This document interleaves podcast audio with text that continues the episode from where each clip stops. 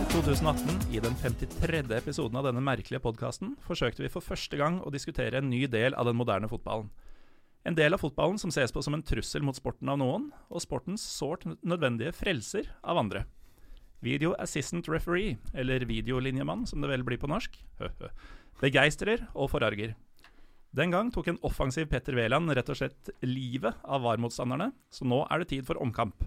Jeg heter Morten Galaasen, dette er Pyro og Pivo. Og i det hjørne, ene hjørnet så har vi Dette gikk bra. Så har vi Jesper Mathisen. Velkommen hit for aller første gang. Tusen hjertelig takk. Veldig hyggelig å eh, være her. Det har jo vært en liten strid å få deg hit.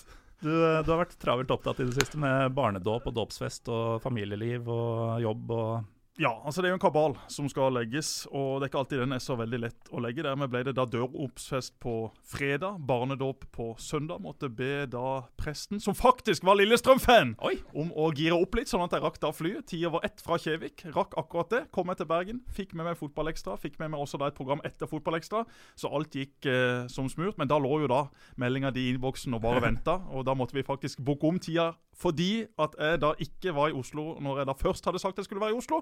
Men det ordna seg til slutt, og det er jo det viktigste. Takket være en prest som tok instrukser fra Jesper Mathisen. Ja, han var veldig hyggelig. Og i likhet med alle dere andre her i studio, litt skuffa over årets LSK-sesong. Ja, for du sitter jo omringa av eh, LSK-fans, og de skal også introduseres eh, behørig. Men eh, det er jo ingen hemmelighet, Jesper, at du eh, er eh, en eh, fyr som syns VAR er en positiv greie. Ja, det syns jeg er en positiv greie for eh, fotballen. Eh, det kommer vi tilbake igjen til etter hvert her, hvorfor jeg syns det. Men ja, det har vært eh, mye VAR-fokus eh, ja, egentlig det siste året. Spesielt da etter VM i Russland 2018, hvor jeg syns det fungerte greit. Og så har det jo fungert med varierende selv etter det. Men uansett hvor det skjer en VAR-avgjørelse nå i verden, så kommer, så kommer det en melding til meg på Twitter. Enten det er da forkjempere eller motstandere. Om det så skjer i Chile, i USA, i Afghanistan, i England. Du skal banne på at det kommer en melding min vei. Jeg liker å svare på mange, men jeg må også innrømme at jeg begynner å bli faktisk litt lei alt dette VAR-fokuset, for det er i ferd med å, å bikke på enkelte områder. Og når du først hører fra meg, så gjelder det også VAR. Ja, ja, men det går fint. Vi skal garantert også prate om mange andre ting. Jeg har hørt flere av dine og deres episoder før, og er det én ting jeg har lært meg, så er det at dette her kommer til å ta mange interessante veier underveis. Så selv om vi har ett hovedtema, så skal vi innom mye moro. Så Jesper Mathisen er altså kanskje Norges fremste forkjemper for eh, dette fantastiske systemet som skal få slutt på urettferdig fotballen en gang for alle. Og i det fundamentalt andre hjørnet sitter um, Jeg har kalt deg husklovn tidligere. Trym Magner, Jo, ja. Vel- Takk, takk velkommen for den tilbake. betegnelsen. Ja, Fint at du dro, dro den igjen.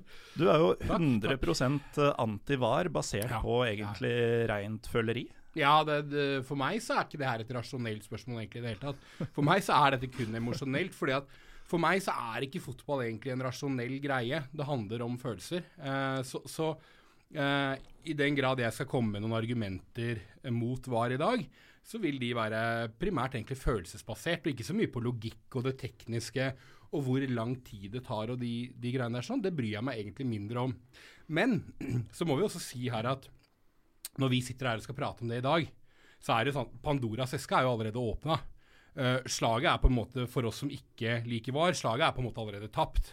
Uh, så dette kunne egentlig vært eh, hva det man kaller en epilog, altså sånn, sånn Nekrolog. egentlig. Ja, nek nekrolog, selvfølgelig. ja.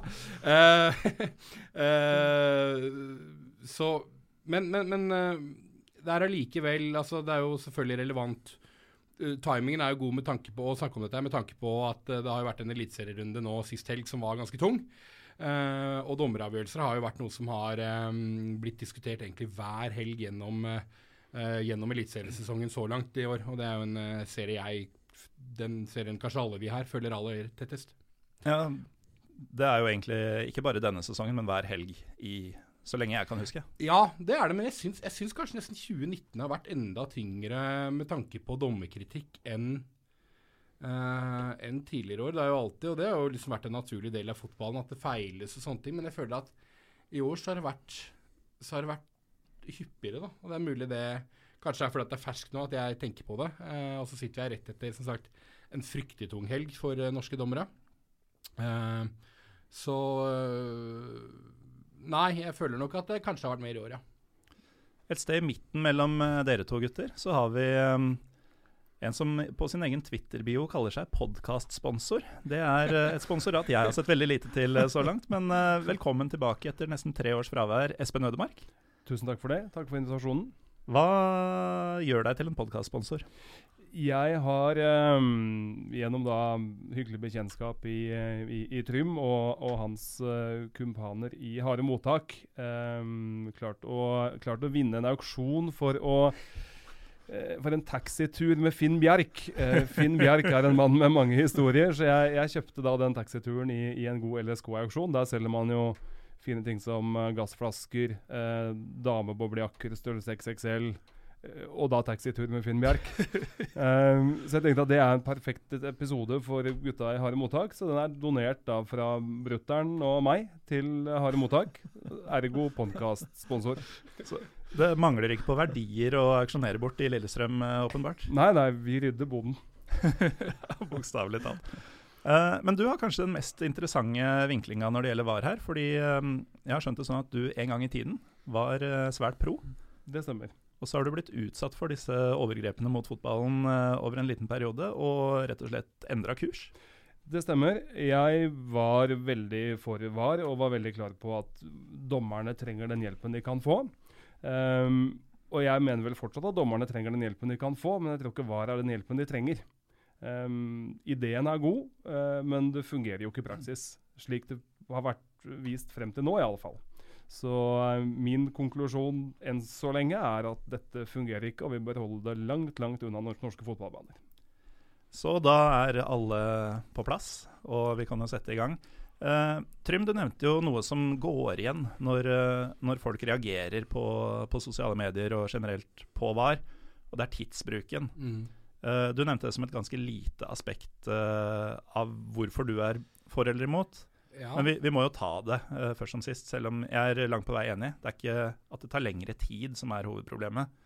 Um, eller om det hadde vært uproblematisk om det gikk fort. Men uh, hvorfor er ikke tiden relevant? Altså Skal ikke en fotballkamp vare, i 90 minutter? Jo, ja, men det gjør den jo allerede ikke. Altså Med, med overtid i både første omganger og andre omganger. Så, så det er ikke, tidsbruken i seg selv er ikke så Jeg, jeg sier ikke at jeg syns det er um, Det er selvfølgelig mindre irriterende hvis en avgjørelse blir tatt. Uh, altså da Med forutsetning at vi har med VAR, da, så er det selvfølgelig mindre irriterende hvis den tar 20 eller 40 sekunder eller 60 sekunder kontra hva var det var mot uh, Real Sociedad møtte Ja, ikke sant? Nå, nå på, på ja, var fire, bortimot fire, fire minutter, minutter, på fredag. Og det er klart, Så misforstå meg rett, selvfølgelig syns jeg og sikkert både de som er glad i VAR og de som ikke er det, syns jo selvfølgelig at det skal gå eh, fortest mulig. Men hovedproblemet for meg er ikke det uansett. fordi at det som er problemet for meg, er eh, at spontaniteten på tribunene blir borte. Fordi at du får det der lille avbrekket. Og så er det en del som da sier at jo, men når det da kommer en avgjørelse, så vil du få noe jubling fra det ene eller det andre publikummet. Uh, men, men, for meg så er ikke det det samme. Da er det ikke en, det ikke en spontan prestasjon som, som skapte en, en, en, orgasmisk eh, stemning gjennom uh, stadion. Da er det en hel haug med folk som har stått og avventa, og så OK, nå kan vi juble. Og Et godt eksempel på det så man jo nå, det var vel i helgen, hvor Cristiano Ronaldo gjorde tegn til Juventus-supporterne om at ikke feir enda, fordi at det var Og så gjorde han sånn tegn, liksom. Og skulle publikum da vente. Men Var ikke det mer som en spøk? Ikke vet jeg, men det er jo et helt, det er et høyst relevant det er et høyst relevant uh, om, om, det er en spøk eller ikke, så, så er det høyst relevant. fordi det er jo det det er jo det som er frykten, er jo at man altfor ofte vil sitte og så ha opplevd noe, og så må man Nei, vent litt, vent litt, vi må se om det vi må se om det godkjennes eller ei. Og at det da til slutt ender med lettelse heller enn jubel? Ja, f.eks. Um, ehm, og, så er det, og så er det det at for meg så er jo VAR Altså, altså jeg, jeg, jeg, forstår ikke helt hvorfor Fotball er verdens mest populære idrett. Har aldri vært den, den, er ikke nedadgående verken i antall spillere rundt omkring i verden. Den er ikke nedadgående når det gjelder interesse, publikum, penger. Altså alle parametere peker jo på at fotball fremdeles er eh, kanskje verdens mest populære skal man kalle det kultur, ikke sant? Og da skjønner jeg heller ikke det er litt sånn, Hvis du er i et perfekt forhold, og du elsker kjerringa di, hvorfor ønsker du at hun skal forandre seg? Jeg forstår ikke det aspektet at noen har gått inn og sagt. Og det skal så legges til. Infantino, Fifa, et par av de gutta som er veldig pro VAR, det er sketchy typer. Jeg, jeg, jeg, skjønner ikke hvorfor man har lyst til å gå inn og endre noe som i mine øyne og i hele mitt liv allerede har vært perfekt. Det er det jeg ikke forstår. Eh, Spenn? Når, når det gjelder det med tidsbruk, jeg syns det er et interessant tema. fordi du, du sier at det har ikke noe å si, men hvis du ser Nei, på satt på spissen. Ja, satt, satt på spissen. Men altså, fotball er jo et spill som i utgangspunktet, sammenligna med en del andre idretter, går ganske sakte. Mm. Du sammenligner fotball med hockey, med basketball, med håndball, så er fotball relativt saktegående, men med veldig få og korte avbrudd.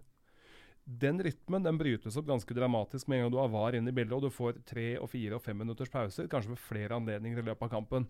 Det betyr kanskje ikke så mye hvis du ser det på TV, men det betyr, betyr, betyr veldig mye for de som er på stadion. Og, og jeg tror det er mye lettere å være for øh, VAR hvis du ser fotballen gjennom TV-ruta, enn hvis du ser den på stadion. Um, nettopp fordi at da går du og henter deg potetgull eller en øl eller går og slår lens. Mens på stadion så står du der og venter da, og tripper, og så skal dommeren bort og titte, og så brytes den ryt naturlige rytmen av fotballspillet opp ganske dramatisk. Så jeg, jeg er ikke enig med deg at tidsbruken ikke er viktig. Jeg syns det betyr Nei, veldig veldig mye. Jeg- jeg jeg skjønner hva du jeg, mener. Jeg sier ikke at den ikke Men- er viktig. Jeg sier at det er ikke det som er det Nei. viktigste uh, parameteret for meg. Det er ikke det som er hovedproblemet. Fordi at hvis vi sier at men det viktigste er tidsbruken, så er det veldig lett å argumentere at jo, men hallo, VAR er ganske ferskt. Gi det litt tid, så vil man helt sikkert kunne justere den tidsbruken ned. Det er ikke det som er problemet for meg. Problemet for meg er f.eks. at det, sier seg selv at dette her er ikke noe man vil ha kapasitet eller råd til å gjøre over alle fotballigaer over hele verden. For dette er et kostnadsspørsmål, og det er et ressursspørsmål. Jeg syns noe av det vakreste med fotball er nettopp det at fotball er noe som faktisk er for alle. Du spiller selv i sjettedivisjon, ikke sant? Du spiller egentlig på akkurat de samme premissene som man gjør i Eliteserien. Eh, eller som man igjen gjør i Champions League. For meg så er, og det er mange av VAR-forkjemperne som sier at jo, det har vært regelendringer i fotball før, det har gått helt fint. Men for meg så er dette her den første uh, regel Det er ikke en regelendring, men innbruddet i reglene som gjør at du får et skille mellom det som er pengefotballen, og det som er grasrotfotballen. Og det syns jeg gjør fotballen mindre sexy. Eh, Jesper Trym eh, omtalte fotball som eh, den perfekte kona som han elsker, som han ikke vil endre noe ved. Hvorfor vil du endre din kone?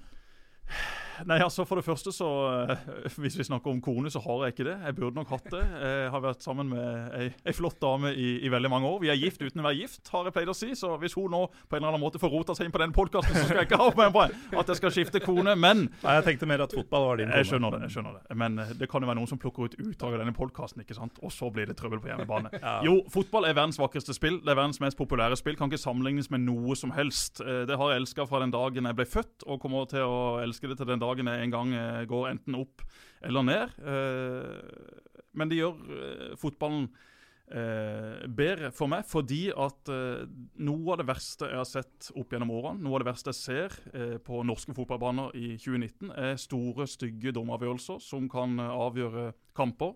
Som kan avgjøre nedrykk, opprykk, seriemesterskap, arbeidsplasser. Både Lillestrøm og Start har ligget farlig til veldig mange ganger.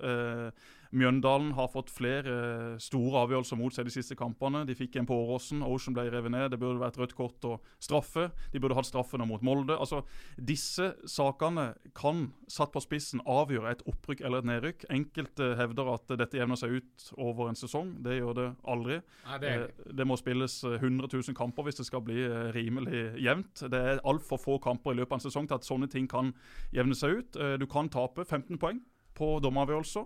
Du kan selvfølgelig si at ja, det viktigste hvis du rykker ned, og den største grunnen er at du har prestert dårlig, og det er jeg jo helt enig i de aller fleste tilfeller. Men det kan også være sånn at den eller de to eller tre avgjørelsene du fikk mot deg i runde 15, 16 og 17, til slutt er de som sender deg ned. Også da med, med Bamba i, i Bergen. egentlig umulig for dommer å se at Bamba prøver å ommøblere ansiktet til Simen Wangberg. Men vi ser det jo på TV med en gang, og vi ser det også at han gjør det med vilje. For dommerteamet, som da har fokuset der ballen er, så er det umulig å se. Men på TV så kan du få tatt det, og du kan få vippa han av banen, og Bamba skårer rett i etterkant. Tromsø vinner heldigvis kampen, for det fortjente de etter denne situasjonen.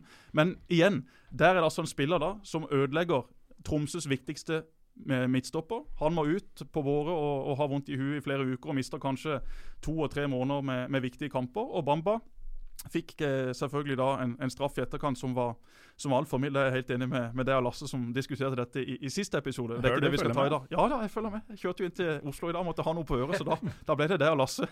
Eh, så, så, det er jo noen av argumentene. Dette som går på tid, er jo helt enig. Det tar altfor lang tid i veldig mange situasjoner. Det tror jeg vil gå seg til etter hvert. Og så tror ikke jeg det blir sånn at selv om det tar ett minutt eller halvannet minutt, at folk hjemme i sofaen eller på stadion stikker i kiosken. For er det noe folk er interessert i å vite, så er det jo om målet blir godkjent eller ikke. Absolutt. Men jeg, jeg, altså jeg, har en sånn litt sånn Nå er jeg kanskje litt på Igjen, jeg, dette er emosjonelt for meg, så nå er jeg kanskje mest konspirasjonsteoretiske, men jeg har jobba med fotball i USA. Og da man prøvde å profesjonalisere fotballen i, i USA igjen på 90-tallet, så hadde man fryktelig lyst til å få til ikke sant? For de tenkte ja, men spillet varer i 90 minutter. Da henger du ikke på greip med 2 ganger 45. Da er det mer naturlig med 3 ganger 30. For da, kan du ha to reklamepauser. De syns jo det er genialt.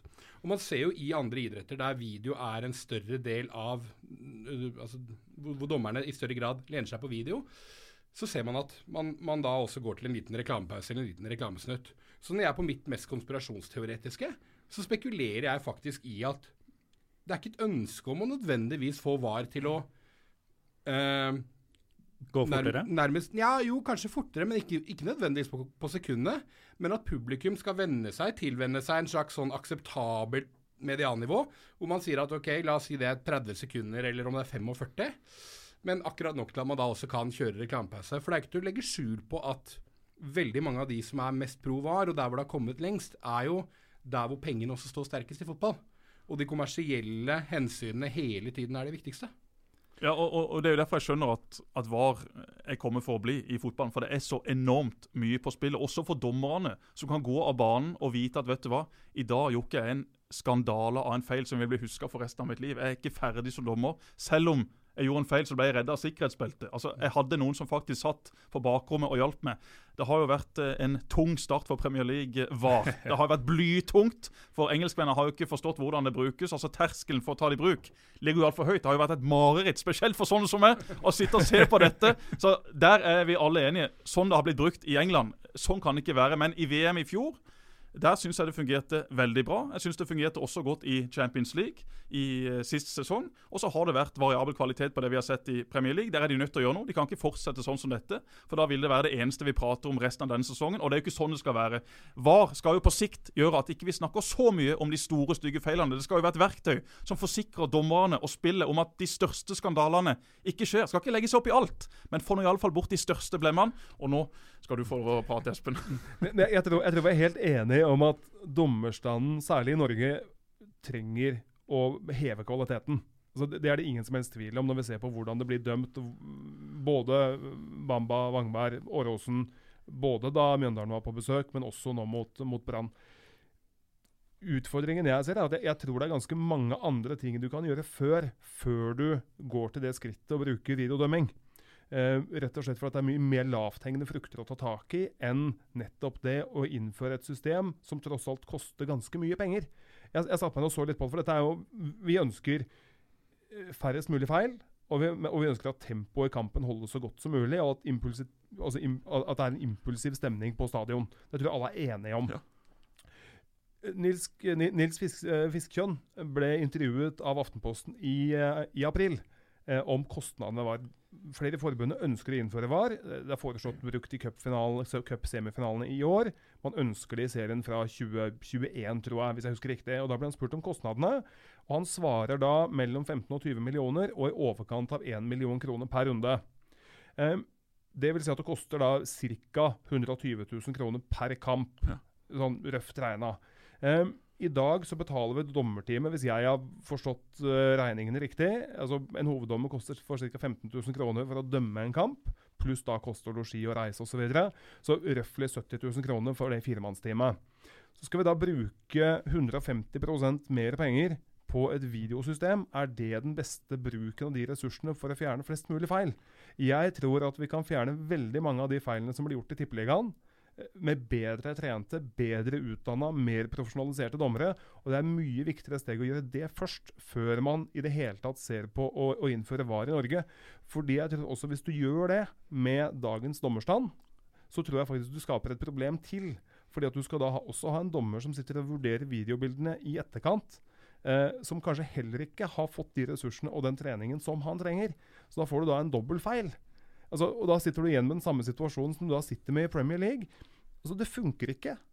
Nei, men jeg syns det er et godt argument. Jeg tenker jo også Igjen, vi er enige om at man skal ikke bare snakke negativt om norske dommere. Det er også folk som elsker fotball. Men, men det er bred enighet om at nå sliter man med å finne fire gode dommere per eliteseriekamp. Altså, ikke sant? Og så skal du i tillegg ha hva skal man ha i en sånn buss? Tre, minimum tre stykker som skal sitte og vurdere dette her. Du skal ha tre fotballkyndige personer til, i tillegg til de fire ute på banen som allerede Eller tre ute på banen, da, pluss én.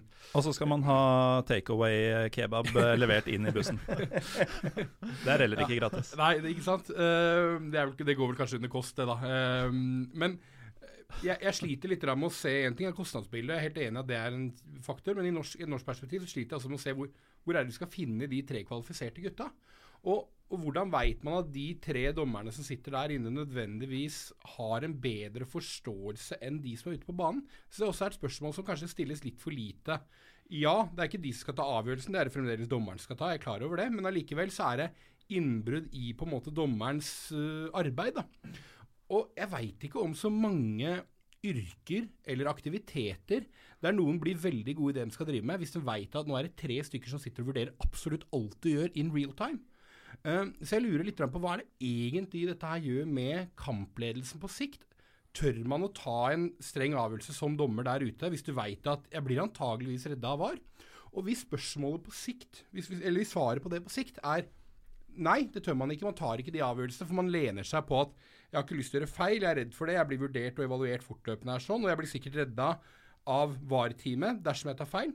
Da tror jeg at på sikt så risikerer vi en kampledelse som er så svak at til slutt da så kommer vi til punkt hvor hvorfor trenger vi egentlig dommere i det hele tatt, når vi kan ha såpass gode kameraer ute på, på banen og all, fra alle mulige vinklinger at det egentlig kan være et automatisert Og så trenger du ikke den kampledelsen i det hele tatt. For meg så er det litt en del av Sjarmen med fotball er de dommerne faktisk som er der ute òg. Jeg trenger noen jeg kan kjefte på på Åråsen, selv om dommeren egentlig ikke gjorde feil.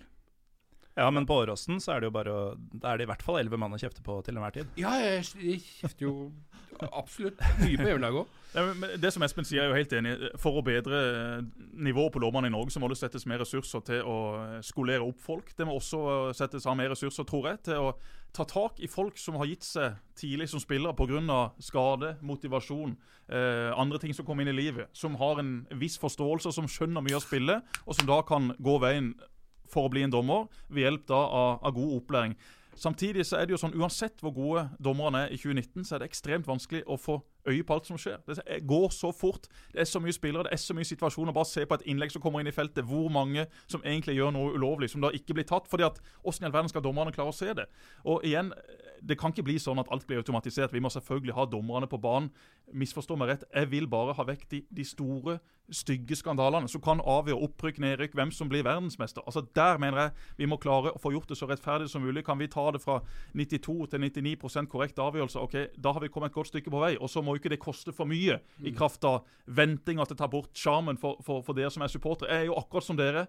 Jeg hopper jo i sofaen hvis laget mitt skårer. Jeg hopper jo ned på gulvet hvis laget mitt slipper inn. Så det blir oftest på gulvet de siste årene når vi da snakker om, om Start og, og, og, x antall nedturer. Jeg vil også ha det sånn. Mm. Men det er jo også sånn at de fleste mål som skåres i en fotballkamp, alle som har sett mye fotball, de forstår jo også i sitt hue OK, den den der kan ikke VAR ta. Mm. Den er jubel. Altså Det er et skudd i krysset fra Matthew. Den den skal vi juble for. Eller så er det en tvilsom offside, og så har du alltid sjekka ut assistentdommer. Nå vil det ta litt lengre tid. jeg forstår det. Du vil ikke ha den assistentdommeren som bare løper opp til midtstreken. og Det er jo en deilig følelse. Jeg er helt enig med deg i det. Mm. Men her er det plusser og minuser, og for meg så er plussene flere enn det som er minuser. Det er jo ikke sånn at jeg kun ser positive ting med VAR, men i en debatt og for å skape litt stemning, så må man da ofte fargelegge det litt mer enn det som da kanskje burde blitt gjort. Men jeg, men jeg er faktisk såpass drøy på det her at jeg jeg vil, jeg vil, til og med gå hen og si at jeg, for meg så er det ikke viktig at fotballen skal være så forbanna rettferdig heller. Altså. Nei, men Det er det flere for, Livet er ikke rettferdig. Uh, nei, men det er ikke det. ikke Sant? For meg så er fotball altså, Fotball representerer veldig mye av det. da. For meg så er faktisk en del av sjarmen når jeg holder med et lag som taper i snitt 29 eliteseriekamper i året omtrent. For meg så er faktisk litt av sjarmen å kunne være forbanna eller oppgitt, eller diskutere situasjoner i etterkant, eller spekulere i at hvis på en måte vi ikke hadde fått den, så hadde det blitt sånn. Og, jeg, jeg føler at det er faktisk en veldig viktig del av det. Antageligvis hadde ikke LSK vunnet cupfinalen i 2017 eh, dersom VAR hadde vært involvert allerede da. Antageligvis hadde kanskje ikke verdens mest eh, berømte fotballmål, altså Maradona sin mulige hands. Eh, eh, antageligvis hadde det aldri vært en del av fotballen hvis VAR da var. Men Vil du at juksing og filming Nei, skal betale seg i uh, poeng og titler og, uh, og rikdom? nei altså og, uh, Litt. Ja, altså jeg er jo ikke helt uruguay, uruguayansk på dette. Det er ikke at jeg setter pris på juksing, det gjør jeg ikke. Jeg har forståelse for at eh, når vi snakker om profesjonell fotball For jeg skjønner at det er Jeg er ikke så naiv at jeg ikke skjønner at det er et forskjell, en forskjell mellom Manglerud Star 2 og, og Real Madrid. Ehm, så jeg forstår at, at, at det er et skille der sånn. Men uh, og, og, og, og, i det så kan jeg da også forstå at uh, disse spillerne er forbilder. Det er kanskje ikke så mange av spillerne på, på Manglerud 2. Uh, og derfor så er det også greit å kunne ta den juksinga som skjer der. Men jeg mener at når uh, vi uansett har Jeg vet ikke hvor mange kameraer det er på de store fotballkampene, så mener jeg at hvis det er juksing, eh, som f.eks. ekstrem filming eller annet, så kunne man sanksjonert det på en annen måte i etterkant av kampene. Men da er jeg også villig til å ta risikoen for at vedkommende kan ha juksa til seg et straffespark. Ja. Det, det som også er interessant, er jo at bruken av VAR åpner for en arena til hvor du kan påvirke dommerne. Altså, Hvis du så situasjonene fra Tyskland mellom Schalke og Bayern om Mm. helgen, hvor da et par Schalkes, eller en Schalke-supporter politianmeldte eh, VAR-dommerne for, eh, for svindel, det er, jo, det er jo helt nydelig. Men, men når du da ser de situasjonene fra kampen, du får jo en liten følelse av at Ole Hønes har vært innom den bussen med en kebab. Eller to. Altså, Skal ikke mer til. vet du. det øker jo Altså, det er flere personer som kan påvirkes. Det, det, Ja, men det- også altså, flere det, personer som kan rette det opp. Ja, men du åpner jo på en måte en eske som eh, Ja, det er, det er lett å konspirere rundt bruken av VAR, om Ja, man og- men var det ikke det før VAR kom også, at det var bare én person du skulle bestikke? Jo, men altså, VAR-dommeren kan jo overse hvis han ønsker det. Altså, Han overså jo da to situasjoner nå eh, i den Bayern-kampen. Jeg sier ikke at han er eh, korrupt, altså, jeg har ikke noe belegg for å si det, men du, Nei, Jeg skjønner hva du ja, mener. Men, men, men dommere har, har på mange måter alltid vært mulig å ja ja. bestikke i enkelte deler av verden. Og sånn tror jeg det vil være også i framtida. Tyskland, f.eks. Du vet aldri. Du vet aldri. Nei, men altså, jeg, jeg, er jo, jeg er jo helt enig i at uh, Jeg er ikke så sikker på om jeg tror at det blir mer utsatt for korrupsjon og sånn. Og det, det, det veit jeg ikke om jeg syns er rimelig, men det jeg er redd for, er derimot at uh, Hvorfor er det en selvfølge at de tre som sitter i boden der, skal følge opp fange opp alt sammen umiddelbart også? Eller at de skal ha en god nok forståelse av alle situasjonene?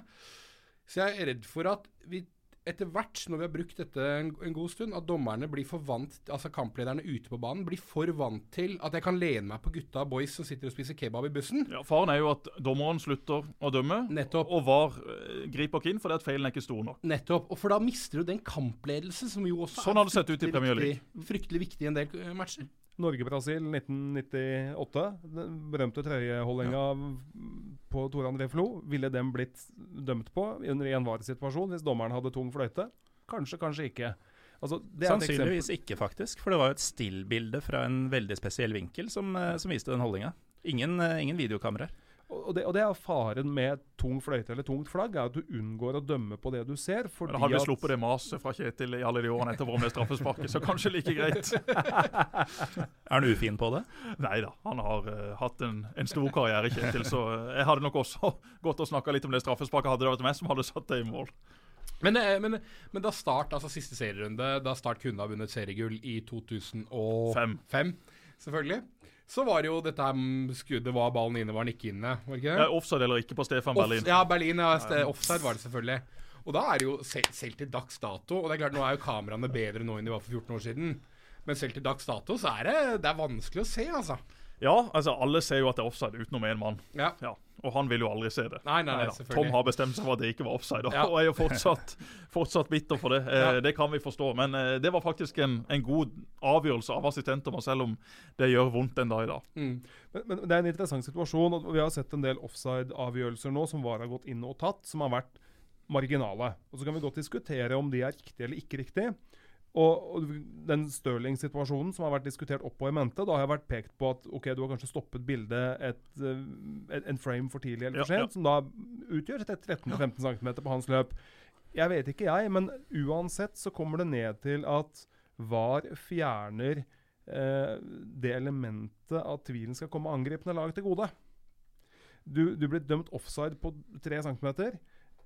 Ikke si at det er man sikker på. Det er man ikke. Nei, altså, Vi Vikestad satt jo og kommenterte denne kampen i London, på Ja. stadion. og Vi satt jo så reprisene. og vi, vi gikk jo inn da for å ta sats før VAR-dommeren, og vi bomma på begge målene. For det var umulig å se på reprisen er det de stoppa bildet. Umulig. Nettopp. Og går det da til angripende lag til gode? Nei, det gjør jo ikke det. Og du fjerner en del av de naturlige, eh, naturlige elementene i spillet som vi har vent oss til da, gjennom eh, Det er- 40-50-100 år. Nå er det vel strengt tatt ikke sånn lenger at det skal komme det angripende lag til gode. Det er vel en slags sånn eh, det er vel sånn Da vi vokste opp, så var man vant til at det var en slags sånn praksis. Men reglene er jo enten-eller på alle situasjoner. Problemet er bare at fotball er ikke så Fotball er ikke så svart-hvitt. Ta en situasjon eh, Et lag som jeg er fryktelig glad i, Molde, eh, røyk mot Partisan. eh, kvaliken til Europa, Europaligaen eh, for, forrige uke. Og når man ser reprisen, så ser man at Molde-spilleren som skal ta ut uh, Nemanja Militic, Partisan-spilleren eh, Der er det et sperretrekk hvor han uh, Molde-spilleren som skal ta ut han på corneren, blir holdt tilbake. Så får Nemanja Militic gå, gå opp, heade fritt, uh, og Partisan kommer inn i Europaligaen La oss si det er 50-60-80 millioner kroner. og veldig trist for alle oss som er glad i Molde. Men hvis du ser, og da, og da mener man jo at ja, men her skulle det vært frispark Molde. Men hvis du da ser den situasjonen igjen noen ganger jeg, Av ulike årsaker jeg har sett uh, denne kampen i reprise et par ganger. Eh, og hvis man da ser dette her igjen, så vil man også se at Og det her er typisk. Du ser kanskje to Molde-spillere som står og holder to Partisan-spillere. Du ser kanskje to Partisan-spillere som holder Molde-spillere inne i boksen. Og det er en typisk situasjon på en corner. Hva gjør du da? Er, hvis, hvis du har to spillere på det ene laget som holder to fra det andre, og så har du vice versa, ikke sant? Snakker vi da, er det, er det da frispark? Er det straffe? Er det, altså, hva gjør man da? Skal man da si at her var begge parter like gode, så da må vi la det gå? Disse tingene her finnes det i mine øyne, i hvert fall sånn som jeg forstår reglene, ikke gode nok svar på. Problemet er bare at dersom den hadde blitt vurdert i VAR, så ville man sett på akkurat den situasjonen der han ene spilleren, som til slutt fikk lov til å gå opp, eh, header den ballen i mål. Og så vil man ikke sett på resten. Det er sånn jeg oppfatter det, og det, og det syns jeg er problematisk. Men i en sånn type kamp så, så, så er jeg jo helt enig med det. Eh, det er mye situasjoner inne i et felt, men uh, igjen satt på spissen, så er jo det da at Haraldseid ikke får det frisparket. Grunnen til at Molde ikke kommer inn i Europaligaen, og Mm. det er snakk om veldig mye penger. Selv om, uh, selv om du nå er uttalt stor Molde-fan, så, så, så er det jo bare sånn fotballen er da, uten VAR. Uh, med VAR så tror jeg den hadde blitt tatt, fordi at det er ikke lov å, å stå sånn og, og sperre. Og jeg tror også det gjør noe med spillerne i feltet. De Mm. vet at OK, her her er det fullt av kamera. Hvis jeg nå gjør noe ureglementert, så vil jeg bli straffa på dette, enten den ene eller andre veien. Det, interessante er jo om man skulle hatt det i utgangspunktet nettopp fordi at det er holdning begge veier. Altså, hvor, altså En del situasjoner skal faktisk bare være spill videre. Um, og det er en, en, en sånn situasjon, sannsynligvis. Men når du da går ned på eh, å se på enkeltsituasjonen isolert, og ikke se på hele bildet Og dette er jo forskjellen da på å se på et stillbilde eller å se på et slow motion-bilde fra et lite utsnitt av en 16-meter, og det å se på helheten. Altså, skal man, Du kan blåse straffe, du kan blåse frispark utover. Alle holder. Skal du da blåse? Nei, sannsynligvis skal du ikke det. Hvis det ikke er noen som gjør noe veldig grovt. Og så, du får, så feilene nuller hverandre litt ut, sannsynligvis. Eh, og, og da, men igjen, da. Eh, videodømming i en sånn situasjon, som du sier, sannsynligvis ville det blitt dømt. Er det riktig? Kanskje, kanskje ikke. Men reglene er, som Trym sier, så, jeg forstår det også slik at de er ikke klare nok på hvilken vei skal du blåse hvis det er holdning begge veier. Ja, jeg er helt enig, men akkurat der så hadde jo den situasjonen som er der ballen faller ned, vært den som hadde vært dommerens fokus. Og, jeg tror den hadde vært, eh, vært tatt, men, men det er jo ikke det, det, er ikke det diskusjonen handler om. Eh, Molde røyk ut, og, og det er sikkert flere i Norge som er, Men, som er du, happy for det. du sier det jo selv, Jesper, at eh, dersom det var VAR på den situasjonen, så ville målet antagelig ikke blitt stående. Ja. Men ville det vært riktig? Ville det vært rettferdig? Det er jo det vi egentlig diskuterer her nå. Ja, jeg Altså- syns jo det. Jeg syns det. Jeg syns ikke det skal være lov å, å rive vekk Harald seg der, for, for det står jo ganske greit i regelboka at uh, det er ikke lov å drive med sperretrekk hvor du rett og slett bare river bort opppasseren til mannen som scorer. Mm. Det, det syns jeg iallfall i, i mitt hue, men jeg, jeg har respekt for at, eh, for at ikke alle føler det sånn. Men du var jo en duellspiller uh, vel sånn til de grader si. selv. Ja, når, jeg, når, når jeg måtte. Ja. Har du kjefta på Jesper uh, fra tribunen, Trym? Eh, altså, Det er klart du har det. Vi har sikkert Ja. kjefta på hverandre. Ja, eh, det, det kan godt tenkes, men på et generelt grunnlag så kjefter jeg fryktelig sjelden på spillere som ikke spiller på LSK. Um, Det er faktisk så, sant. Ja, så, så det er veldig Og jeg kjefter for så vidt egentlig ganske sjelden på dommer også. Men det jeg skulle spørre deg om, var Tror du i kampens hete 86. minutt, eller hva det var sånn, da, for å ta den situasjonen Partisan-Molde Uh, Du har fått noen trøkker igjennom hele kampen. Du er supersliten, adrenalin, alt mulig. Tror du du da ville hatt evnen til å tenke litt sånn Nå må jeg ikke holde, eller nå må jeg ikke gjøre noe ulovlig, fordi du veit at Altså Som spiller, dette her kan jo du svare mye bedre på enn oss. Ja, altså, hvis, du da skulle, hvis du skulle kjørt fra Kristiansand til Oslo, Mm. og du hadde visst at uh, i dag er det ingen av fotoboksene som virker, og det er heller ingenting politi på veien, Mm. hadde du da holdt fartsgrensa på kilometeren hele veien, eller hadde du kjørt fortere? Eh, nei, jeg, jeg, jeg, ser, jeg ser det poenget, men jeg bare tenker at når du er i Jeg tror som spiller, så, så etter hvert så vil du bli mer bevisst på at ok, vi Mm. kan godt si sånn som offside, ok, hvis det blir pinlig nøyaktig etter hvert, så vil du kanskje misse noen mål som hadde blitt mål, men du vil også få en del mål, tror jeg, fordi at forsvarerne skjønner at her kan jeg ikke bruke ulovlige midler. Det vil bli tatt på video. Uh, jeg tror du vil, du vil få en, en, en mer ærlig sport inn i 16-meteren. Det skal ikke bli null kontakt, det er ikke det jeg sier. Men du vil få bort mye av trøyeholdninga, du vil få bort mye av overspillinga. Du vil få bort mye av det som eh, i alle fall ikke jeg syns er sånn kjempesjarmerende å, å sitte og se på når jeg, når jeg ser fotball. Jeg tror også de, de beste spillerne i verden vil kunne bli beskytta på en på en, på en bedre måte. Det vil eh, være tøffere straffer for, eh, for folk som rett og slett prøver å, å ødelegge anklene på folk. Og uh, igjen, jeg kan, jeg kan gjerne sitte og se på fotballkamp og se folk som spytter og klyper. Det er ikke det verste for meg. Det verste for meg er folk som prøver å ødelegge karrieren eller ansiktene til folk. Og, og det vil du jo på mange måter få, få helt bort, tror hvis du bruker VAR på en, på en riktig måte. Men det du får da, er jo at du, du får tatt ting umiddelbart. Sånn at dersom eh, Chiellini prøver å ødelegge Messi, da, Ja. eh, så får du det bort mens det fortsatt er kamp igjen å spille. At han ikke får flere sjanser. Eh, jeg ser den, men eh, det er jo fortsatt no noe han kan bli straffa for i ettertid uten VAR. Uten at det blir tatt der og da. Eh, selv om da Messi kanskje er død.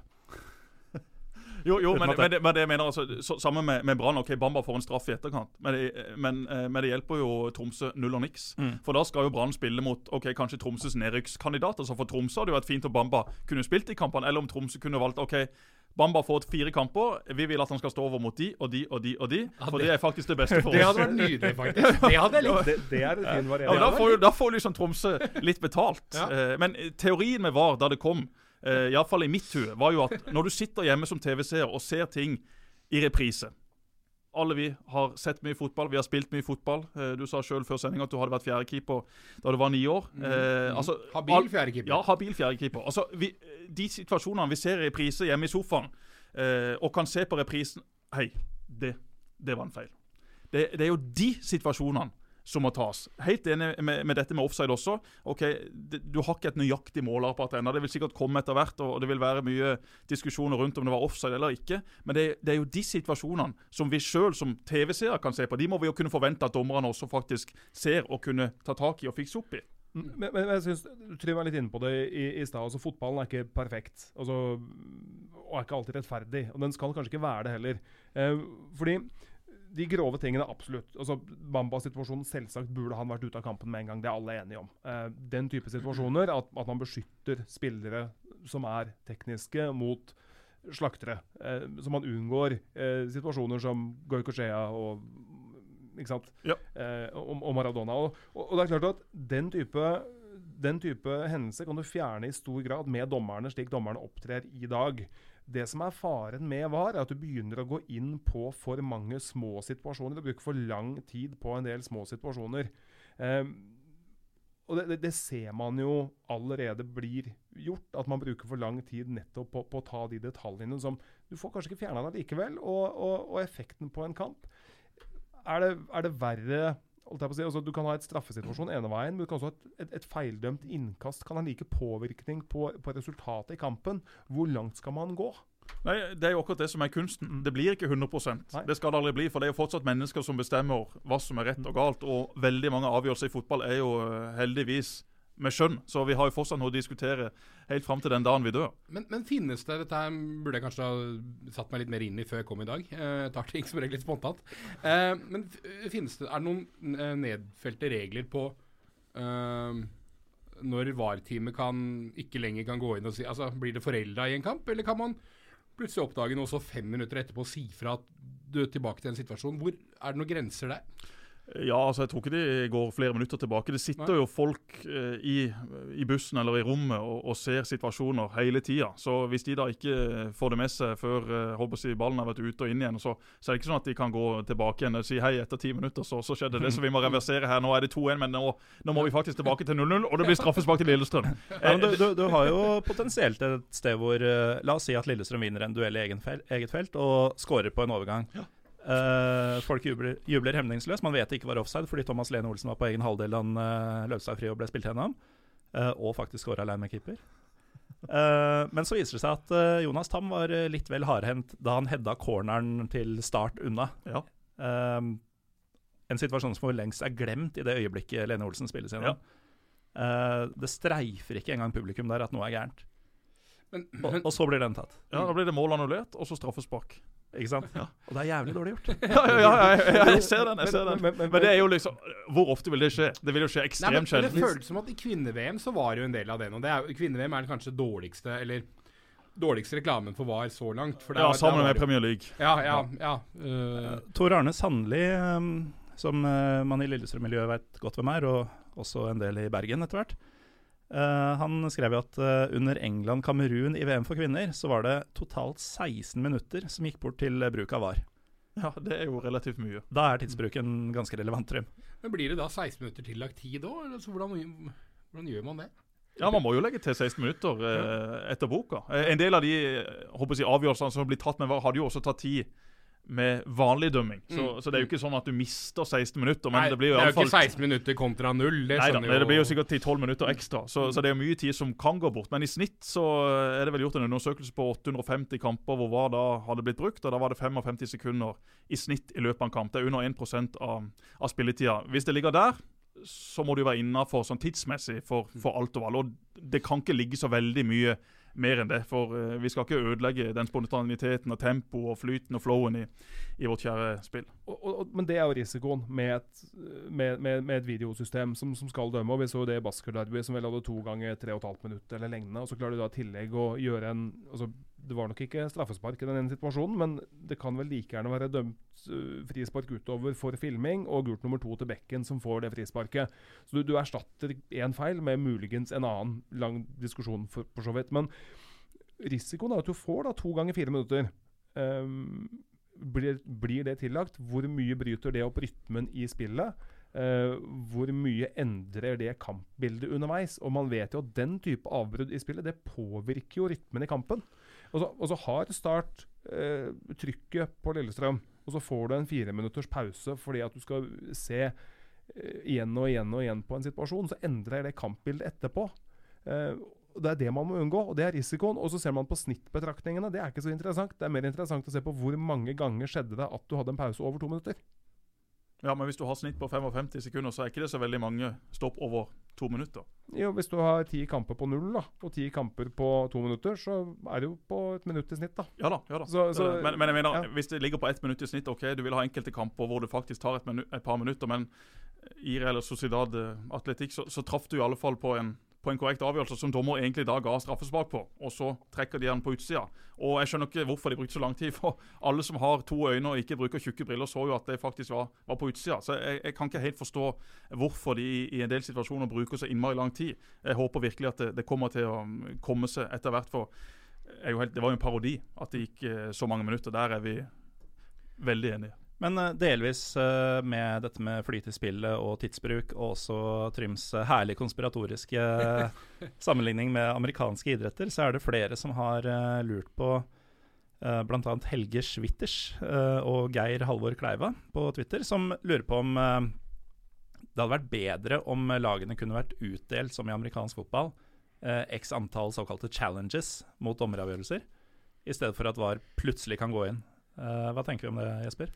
Jo, det syns jeg på mange måter er et, et, godt forslag. Jeg har ikke snakka så veldig mye om denne, for jeg tror ikke det kommer til å skje de neste årene. Men jeg er jo en stor tilhenger av tennis, NFL, NBA. Eh, der blir jo video brukt på en, på en ganske fin måte, syns jeg. Det er selvfølgelig andre idretter med, med, mer stopp i spillet, og amerikanerne skal selvfølgelig ha inn sin reklame. Fotballen skal ikke komme dit. Men det å, å kunne gi f.eks. dommeren eller kapteinen muligheten til å si at vet du hva, den avgjørelsen er, den vil at du skal løpe ut og se sjøl med dine egne øyne på TV-en, det syns jeg er en, en, en grei måte å, å, gjøre det på. Det kan godt være at det kommer der etter hvert, men jeg har null tro på at det skjer i nærmeste framtid. Jeg tenker at Litt av utfordringen med det vil være at f.eks. amerikansk fotball, som du nevner, som, hvor challenges er veldig vanlig, og da går jo flagget til værs, er det ikke da? da jo, jo, det røde flagget. Det røde flagget. Men da er det jo, hvis, hvis, hvis challengen er feil, så flytter man jo da opp til motsatt lag yard, ikke sant? x antall yards. Så det det måtte vært i fotballen da, er jo at La oss si Lillestrøm møter Start, da, siden det er de to klubbene vi folder oss til i kveld, sammen med Manglerud. Eh, Start 2. ja, jeg har alltid Molde når jeg er med. Eh, la oss si Lillestrøm møter Start. Lillestrøm har en situasjon der skåret mål. Start challenger det. Uh, hvis det da viser seg at det var feil, nei, det var riktig, det, det, stemmer. Hvordan skal da Start få en eller annen form for straff eller tilsvarende, altså sånn som det er med yards i, i amerikansk fotball? Det vet jeg ikke helt hvordan man skulle løst. Nei, Eller så må man bare si at eh, vet du hva, dere har én mulighet i løpet av kampen. Ja. Bommer dere på den, så mister dere den. Treffer dere på den, så bevarer dere den. Mm. Eh, og, sånn at iallfall ikke at det blir eh, to, tre, fire ting du skal få lov til å bomme på. Da er det igjen om å gjøre å få bort de, de groveste feilene. Altså de som virkelig kan ødelegge en fotballkamp. Jeg, jeg sa innledningsvis i dag at jeg mener jo at Pandoras eske allerede er åpna, at den ikke lar seg lukke igjen. Det har du også vært inne på, Espen. Og, og jeg må nok innrømme at uh, Jeg erkjenner jo at jeg tror aldri VAR forsvinner. Uh, jeg tror dette er et skille mellom topp og bånn. Eller uh, proff- og amatørfotball som har kommet for å bli. Men dersom det hadde vært mulig å få til det på en god måte, så mener jeg det hadde gjort, skapt mindre, mindre innbrudd i spillet. Og at hver klubb, som, som du sier spør at kanskje, kanskje man kunne hatt én challenge hver jeg har jo jeg har et naivt håp om at vi kanskje kan uh, få blitt kvitt VAR igjen. Uh, rett og slett for at det, det fungerer jo ikke. Uh, altså, vi, vi, har jo faktisk prøvd en del ting i fotballen før som ikke har funka. Syns du det ikke fungerte i, i VM i fjor, f.eks.? Eller Champions League sist sesong? Jeg syns ikke det fungerte så godt som det bør, ut ifra prisen det gir. Altså for, prisen det gir spillemessig. For, for det skal sies at på denne tiden her for ett år siden så var jo du meget pro. Det er, eh, det er riktig. Ja, Kan vi ikke ta din vei her, eh, Espen, for den har vi så vidt toucha innom. Eh, eh, ja. Kjempeglad jeg var for et år siden. Det stemmer. Ikke nå lenger. Hva har skjedd? Jeg må si jeg har jo eh, blitt påvirket av eh, den, den stemningen som, som, dør hen på stadion. du merker det også gjennom TV-ruta når du ser på internasjonale kamper. Eh, kombinert med da tidsbruk og manglende resultater. Jeg opplever for ofte at VAR går inn i situasjoner som ikke er klare, eh, og en, omgjør en beslutning som er like riktig eller like feil som, som, som den opprinnelige beslutningen var. Eh, og da, da, ser jeg ikke verdien av det inngrepet som VAR er i spillet. Eh, på den måten så, så, så, så, mener jeg, og jeg blir jo litt mer litt mer filosofisk på, på, linje med deg, Trym, og se at forskjellen mellom fotballen som man spiller eh, på breddenivå og elitenivå, skal være så liten som mulig. Det er ett spill, det er én sport. Det er, det er, det fellesskapet vi føler. Den avstanden vokser med ethvert sånt tillegg som du får av teknologi på toppnivå. Um, At du formaliserer forskjellen på topp og bredde? Ja. ja. og, yes. Det er jo én dommer i sjette divisjon og, og fem dommere. Så det er jo allerede en forskjell. Det er riktig. Men, men, men, samtidig så kan du også, eh, du kan også få to toppserielag, to eliteserielag, og spille på den samme banen. Du kan spille bortekamp mot uh, Kløfta, som Lillestrøm gjør i cupen hvert fjerde år, mm. uh, på det samme anlegget. For du trenger ikke å installere VAR. Du trenger ikke å, trenger ikke å øke du har ikke, du har ikke, en avstand utover antall dommere. Uh, og det, det, det, Den avstanden den synes jeg skal holde så kort som mulig mellom breddefotballen og elitefotballen. Sånn at alle de som da tar på seg drakta, uh, om de er 8, 12, 16, 22, skal spille det samme spillet. Uh, det har en verdi i seg selv. Jeg er enig i det, og jeg føler også igjen altså jeg føler at en del VAR-forkjempere mener at dette er ikke en regelendring. Men det vi har sett som en konsekvens av at VAR har kommet inn i fotballen, er at man har fått veldig mye diskusjon om hva, hva er egentlig hens. Da jeg var yngre, så var det litt sånn hvis du, skulle, hvis du skulle finne ut om noen kunne fotball eller ikke, så spurte du kan du offside-regelen. Hvis folk klarte å forklare det på en god måte, ja, da kunne de ikke fotball. Nå er jeg noen og 30 år. Jeg har vært ekstremt engasjert i fotball hele livet mitt. Uh, jeg kan ikke forklare hens-regelen anno, altså anno 2019. Jeg har ikke kjangs. Og med VAR inn så har man fått veldig sånne veldig Man, man får disse stillbildene akkurat der var ballen borti hånda til en spiller. Den var så og så langt ute, eller den var så og så aktiv, eller hva, hva man nå definerer dette på.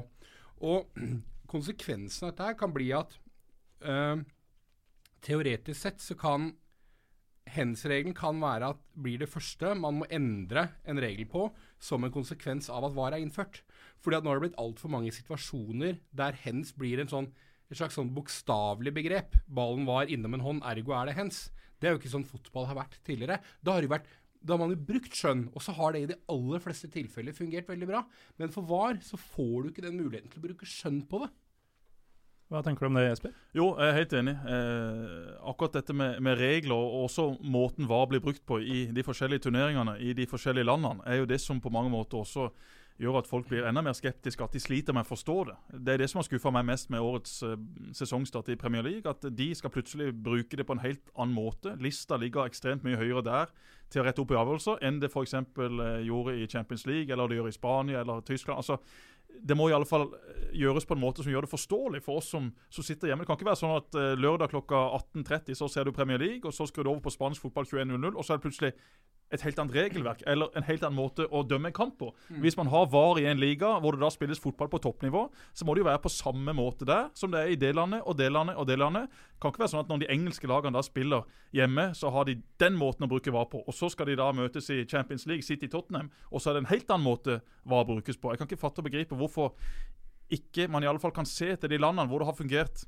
rimelig godt. Det er fortsatt en vei å gå, og det vil garantert bli bedre og bedre for hver sesong det blir brukt.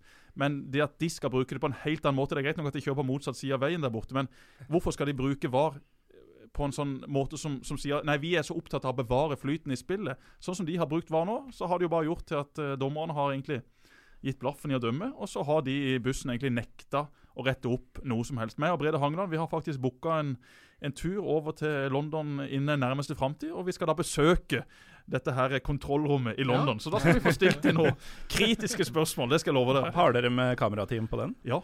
Det, blir, det skal vi få med oss. Vi har uh, bedt om uh, sumopakka mi. Ja. Skal få låne min innlogg. ja, men, men, Jesper, du som, du som, puster Start inn og VAR ut, um, kan kanskje svare på dette her. fordi det at de kan bruke andre regler i England, eller en annen måte å bruke det på i England enn f.eks. Italia, Um, dette kommer jo fra sånn Fifa-Uefa-systemet. Ja. Fins det ikke en sånn overordna norm for dette er vårt system, du, det brukes på denne måten? Jo, eh, dette her er jo egentlig Svein Erik Edvardsen-mat. Og, og, han har jo skrevet om dette, og det er en, en kar jeg også snakker mye med om, om dømming. Eh, og det er jo egentlig sånn ja, at eh, Fifa og Uefa bestemmer sånn skal det brukes, men så er det jo igjen da folk som sitter i eh, Premier League, jeg vet ikke helt hva det heter, eller, eller hvor de sitter, eller, eller, hvem det er, men de har jo sin egen dommersjef igjen, som uh, da bestemmer uh, ok, dette er sånn vi skal tolke hands-regelen, dette er sånn vi skal bruke VAR.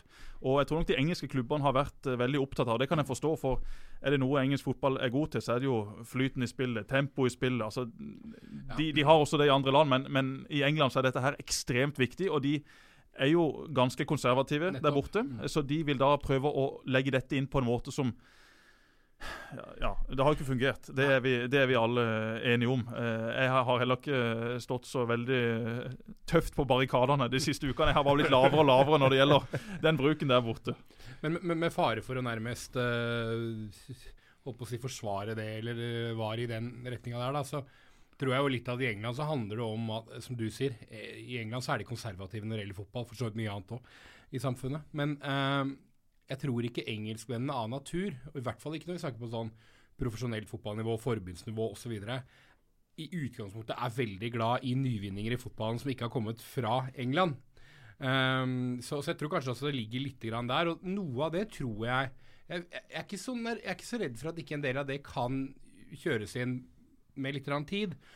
På samme måte som Det er jo ikke, det er jo ikke sånn at uh, det som har vært dømt for i, i, League One, er jo ikke nødvendigvis det samme som Det, det som blir frispark i Serie A, blir ikke nødvendigvis frispark i League One. da. Så jeg tror, jeg tror allerede at man har noen forskjeller og alltid hatt det mellom ulike, uten at jeg egentlig tror det har For meg så er ikke så stor del av problemet der, men det, men det med å ha Uh, når du har godt voksne konservative mennesker som plutselig skal forholde seg til ny teknologi altså dette, man, dette, ser man jo egentlig alt mulig, at det ofte ikke fungerer. Da trenger man ikke bare gå til fotball. Uh, jeg jobba som, som salgs... Total avsporing, men det hender jo skjer i byrånivå. uh, jeg jobba som salgssjef i Oslo kino tidligere. under den prosessen der man digitaliserte kinoen. og det vil si at man gikk fra disse gamle, store rullene, ikke sant som var flere tusen meter lange, eller i hvert fall flere hundre meter lange, det var en mekanikerjobb å sørge for at uh, man kunne vise film den gangen. ikke sant? Og Det betyr at de som jobba inne i de filmrommene, det var mekanikere. Og de gutta de hadde, de hadde vært der i sånn 40-45 år. Og så kom jeg da, liksom midten av 20-åra en dag og fortalte dem at yes, nå er alt digitalisert. Så det eneste du trenger å gjøre nå, det er at du trykker det som tidligere har tatt deg tre dager. Da bare trykker du på den knappen her, og så slår du inn den koden, og så går du ned i kiosken og selger eh, popkorn og brus. Eh, og jeg prøvde å gjøre det på en eh, minst mulig eplekjekk måte, noe jeg du gjorde det. Ikke var spesielt god til den gangen. Og han, kanskje prøvde. han prøvde. kanskje fremdeles ikke. Men det var ikke veldig enkelt å få med de gutta da, på disse mekanikerne på at nå er du egentlig en uh, trykk på Playman og gå ned og selge popkorn. Det var vanskelig. Uh, så det tror jeg er noe man egentlig opplever uavhengig av altså ny, Innføring av ny teknologi tror jeg alltid er vanskelig når man har med uh, erfarne mennesker som har drevet med noe lenge. Um, og da er vi jo tilbake igjen til der hvor vi var i stad. Hvorfor vil du endre kona? Ja. Altså, Nei, det var bare Jesper som ville endre kona. Stemmer, det var sånn det var. ja, det, ja, absolutt. Altså, hvis noe har fungert, hvorfor er det et behov for å endre det? Jeg jeg erkjenner at fotball går raskere i dag enn det har gjort tidligere. Selvfølgelig. Jeg tror det er andre ting man kan gjøre før videodømming, spesielt i Norge, men også i England. Og så kan man øke antall dommere. Eh, bør man ha linjemenn på begge sider? Bør, bør dommerne være bedre trent? Eh, det er jo ikke alle dommerne i Premier League som, eh, som, som er like altså, hva skal vi si, det er, alle, det er ikke alle trøyene som strammer på rett sted. Uh, Nei, og Det sa jeg i denne VAR-diskusjonen jeg hadde med Brede Hangeland, at uh, det så ikke ut som at John Moss altså, altså han, han, ser ikke ut som hulken. Nei, Det er jo litt å gå på når det gjelder løpskapasitet. Å være på rett plass til rett tid. Og, og, det gjelder jo flere av de engelske dommerne. Det er nettopp det. Og, og dette ser vi jo alle land. Så kan vi fikse det først? Før vi går til det skrittet at vi begynner med videodømming, kan vi, kan vi hente ned alt det vi kan hente ned på andre områder først, før vi går dit? For å beholde spillet så likt som mulig. Fordi at Det viser seg jo at, at, ved å innføre VAR, så er det et ganske stort inngrep i Kanskje ikke i snitt, men i enkeltkamper så er det inngrepet ganske stort. og Det kan enten være ved at du får lange pauser, som i Basker-derbyet, eller at du får, som det har vært en del situasjoner i England, hvor du får kombinasjonen av tung fløyte og ingen inngripen fra VAR. Begge deler er kanskje like ille. Det er en negativ effekt av at man uh, har innført videodømming i, i de respektive ligaer. Ja, og det er jo mange dommere i Norge også som gjerne kunne sett at de fikk bedre betalt, sånn at de da ikke slapp å jobbe ved siden av. At de kunne fokusert enda mer på å være i god form, på å være med på treninger til Lillestrøm, Rosenborg, Molde. Få dømt disse spillerne i kamp, få lært seg hvor står jeg hvis innlegget kommer derifra, hvor skal jeg stå for å få best mulig utsikt. Mange av disse har jo dette i teorien, men, men sånn som Espen Eskås nå, mellom Mjøndalen og Molde. Og Det synes jeg egentlig det skal norske dommer ha. Det, det å stille opp i etterkant og si vet du hva, sorry, mm. jeg gjorde en feil. Jeg, jeg, så det sånn. Eh, jeg ser jo nå på reprisen at jeg skulle dømt annerledes, men da er det jo liksom uangripelig, plutselig. Eh, han sier jo at eh, han ser Hensen til ja. Vegard Forhen på reprisen, selvfølgelig. Men idet han står på banen, så ser han ikke. Og Assistentdommeren ser det heller ikke. Jeg skal ikke snakke opp Eurosport altfor mye, men akkurat der syns jeg faktisk de traff godt i studio. For der mm. zoomer han inn på hvor dommeren står, og ser han kan ikke se det. Zoomer inn på assistentdommeren, han kan heller ikke se det. Og en del sånne situasjoner vil det være. Så kan du alltid si at ja, men dommeren burde stått et annet sted. Eh, men det er heller ikke alltid så veldig lett, for det går fort. Og, og, og selv en dommer kan bli sliten uansett hvor godt trent han er. Ja, men der, men der, har man jo også hatt tilfeller Jeg er enig i det, det men, men, der har man også hatt tilfeller hvor det har vært litt, an, altså, litt omvendt. Jeg, nå har ikke jeg alderen til disse gutta i hodet, men jeg antar at uh, Rohit Sagi er en god del år yngre enn Dag Vidar Hafsås. Ja, uh, det, det, kan jeg bekrefte. Og Hafsås fikk jo se denne situasjonen der han viste ut Sinjan ja. mot Viking, Lillestrøm-Viking på Åråsen tidligere i år. Tommy Høiland-situasjonen? Uh, ja. Sheriff Sinjan uh, blir utvist fordi Tommy Høiland går i bakken. Det er ikke Og det skjer 11 minutter ut i kampen. Det er faktisk feil av dommer, men når han får se det etterpå, med lada spørsmål fra Eurosport om at du er sikker på at det ikke er feil her, så står han fremdeles på sitt. Igjen, det er vel kanskje litt tilbake på den litt eldre, litt mer konservative. Men han er fremdeles klokkeklar på at nei, det er riktig. Hele Norge ser det. Absolutt alle ser det. Uh, og da lurer jeg på, hvis han hadde vært i en situasjon der han hadde hatt var Han er en sta type, det, det beviser han jo. Han ser at Oi, nei, men det var kanskje feil. Nei, men han skal stå for det uansett, da. Selv om han har sett det på video. Så hvordan får vi en garanti for at det å se det umiddelbart igjen gjør at dommerne endrer mening? Nei, Det får du jo ikke noe garanti om. Det kan jo fortsatt være sånn at uh, dommere ikke forstår regelverket riktig, eller at de oppfatter en situasjon annerledes enn fem millioner andre nordmenn. Uh, den risikoen vil du fremdeles ha. Uh, mm. Og jeg er helt enig med deg. I den nevnte situasjonen så ble jeg jo sjøl sjokkert da jeg hørte hva han sa etter å ha sett det på reprise. Ja. Det enkleste i verden er jo å innrømme feil. Ja. Det burde iallfall vært det, for vi gjør alle feil dagen lang både på, på banen og utafor banen. Og ja, og da får man jo voldsomme mengder eh, eh, rosende omtale også. Da blir det veldig sånn positivt. Og han sto for at han gjorde en feil. Det er jo ingenting vi elsker mer i Norge enn det. Eh, han gjorde en ræva jobb, men han har tatt ansvaret, og han innrømmer det. Det elsker vi Norge. Statue. Opp med ja, statue. Ja, ja det, er liksom, det er perfekt, da. da. da. glemmer man at jobben i utgangspunktet ikke var så godt gjennomført. Ja, men akkurat det er bedre enn å gjøre en god jobb.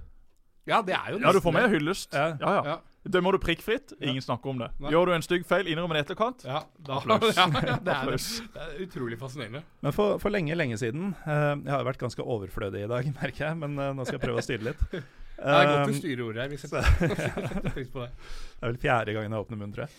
Um, Espen, du var litt inne på dette med hva skal tas, og når er det stort nok til at VAR skal gripe inn. Her fins det jo også noe ganske klare retningslinjer, har jeg skjønt, uh, Jesper, på, på, hvilke situasjoner VAR skal ta. da. Ja, Det er vel og, sånn såkalt clear and obvious? er det ikke Ja, og her kommer jo dette uttrykket 'clear and obvious' inn. Ja. Uh, og det er uh, flere som har lurt på dette med uh, Det er bl.a. Erik Bjørbekk og Andreas Seipejärvi. han høres ut som en Tromsø-fan, sånn umiddelbart. Han kjenner Marius Helgå, hvis jeg ikke husker feil. Han er aktiv på Twitter, han. Ja, Nydelig. Er det noen Marius Helgå ikke kjenner?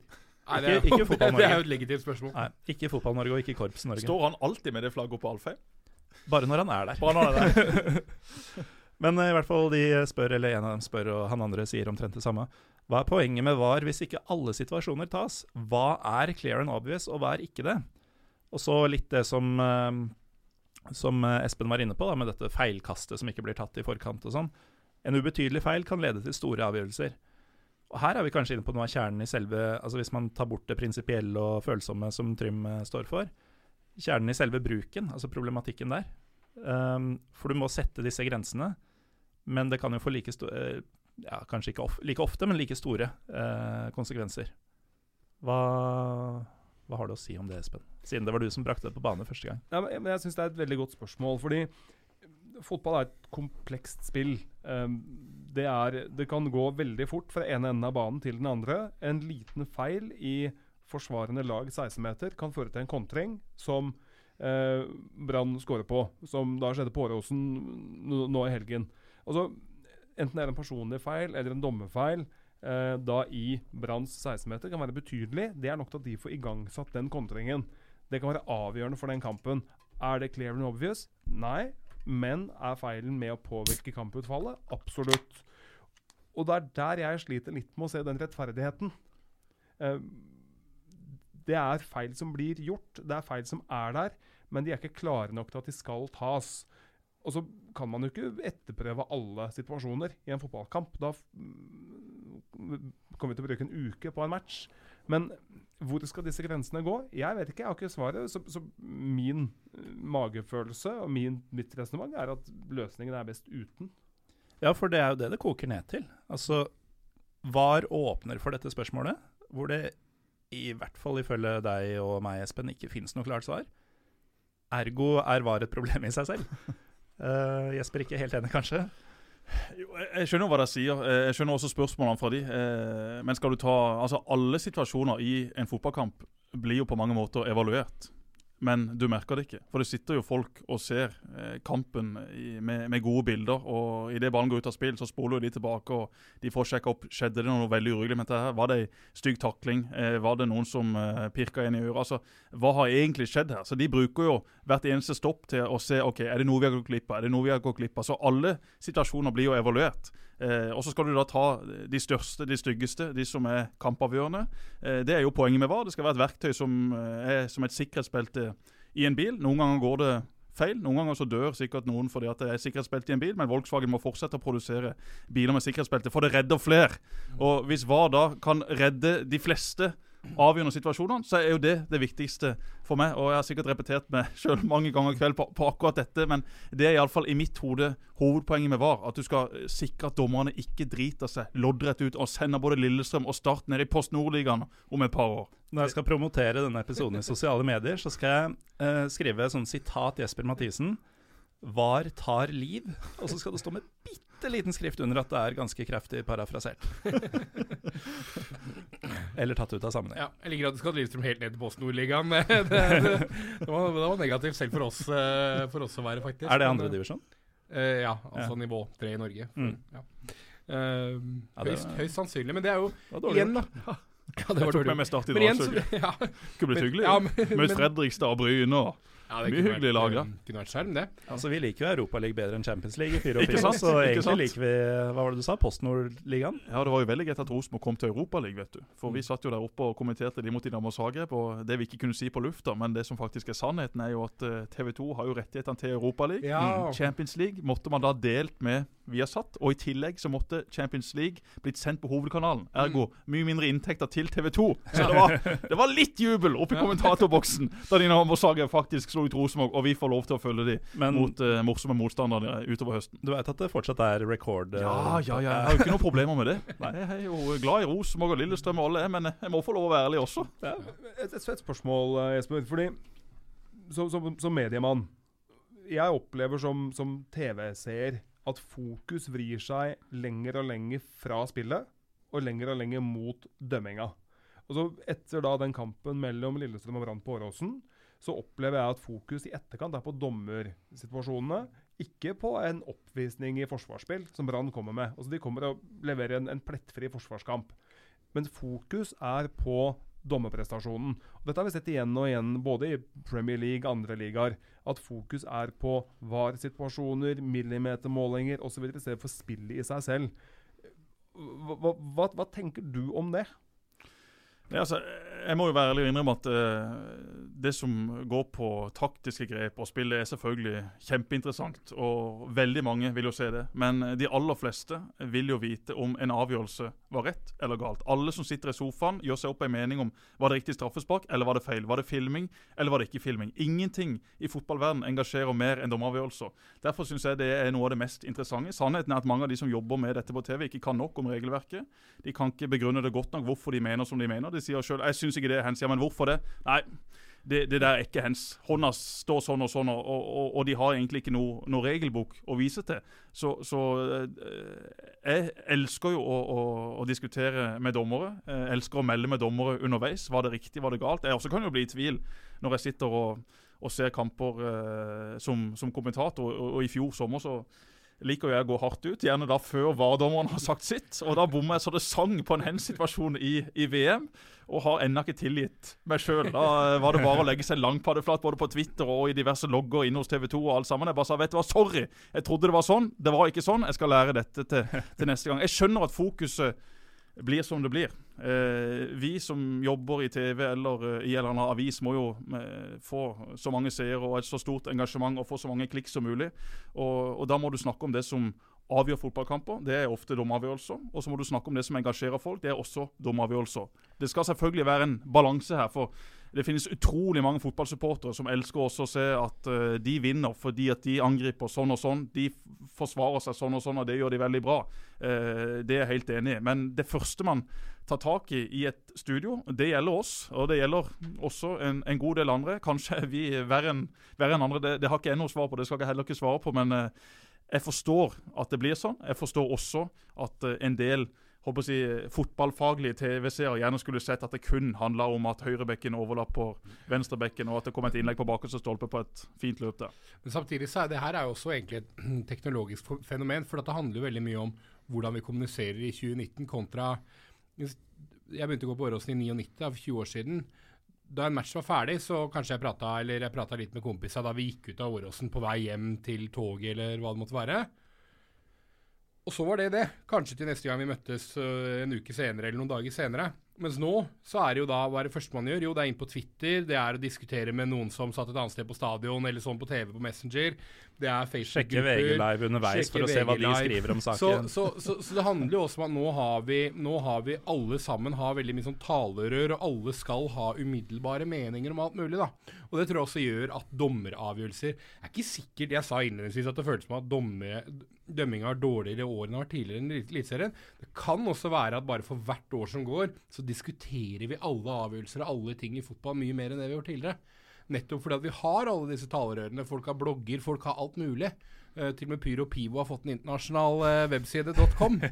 Eh, så, så, så, så det er mulig at det er et eller annet der òg. Det siste der er mest din skyld. da. Ja, det er mulig. Det er mulig. Det er ingen kommentar til det. Men som du sier, eh, det er utrolig mye lettere for alle Ja. å få en stemme i, i den debatten. Og eh, det, er jo, det er jo sånn at eh, på mange måter så har det jo blitt eh, helt på det aller galeste. Ikke Mm. bare hva gjelder fotballavgjørelser, men hva som gjelder ganske mye rart i, Ja, og, i vårt samfunn. Eh, samtidig så er jo det som er utrolig sjarmerende med fotball, at eh, eh, håper si, eh, Lars Lagerbäck kan egentlig diskutere med, med han som aldri har spilt fotball. Med han Ja. som aldri kunne slå innsidepasning. Med han som Ja. kunne trent i 10 000 timer til, Mm. og fortsatt ikke klart å løfte den ballen. Det syns jeg er utrolig deilig, at alle kan på en måte bare hive seg inn i den debatten. Og så kan alle bli hørt. absolutt. Og det er jo litt sånn Vi var vel inne på Svein eh, Altså på, på, heter, Svein Erik Edvardsen. eh, som jo har blitt en slags sånn eh, VAR-dommer på Twitter. Ja, litt sånn go to guy på Twitter, ikke sant? Kan jeg bare slenge inn en claim to fame før du fortsetter? Mm.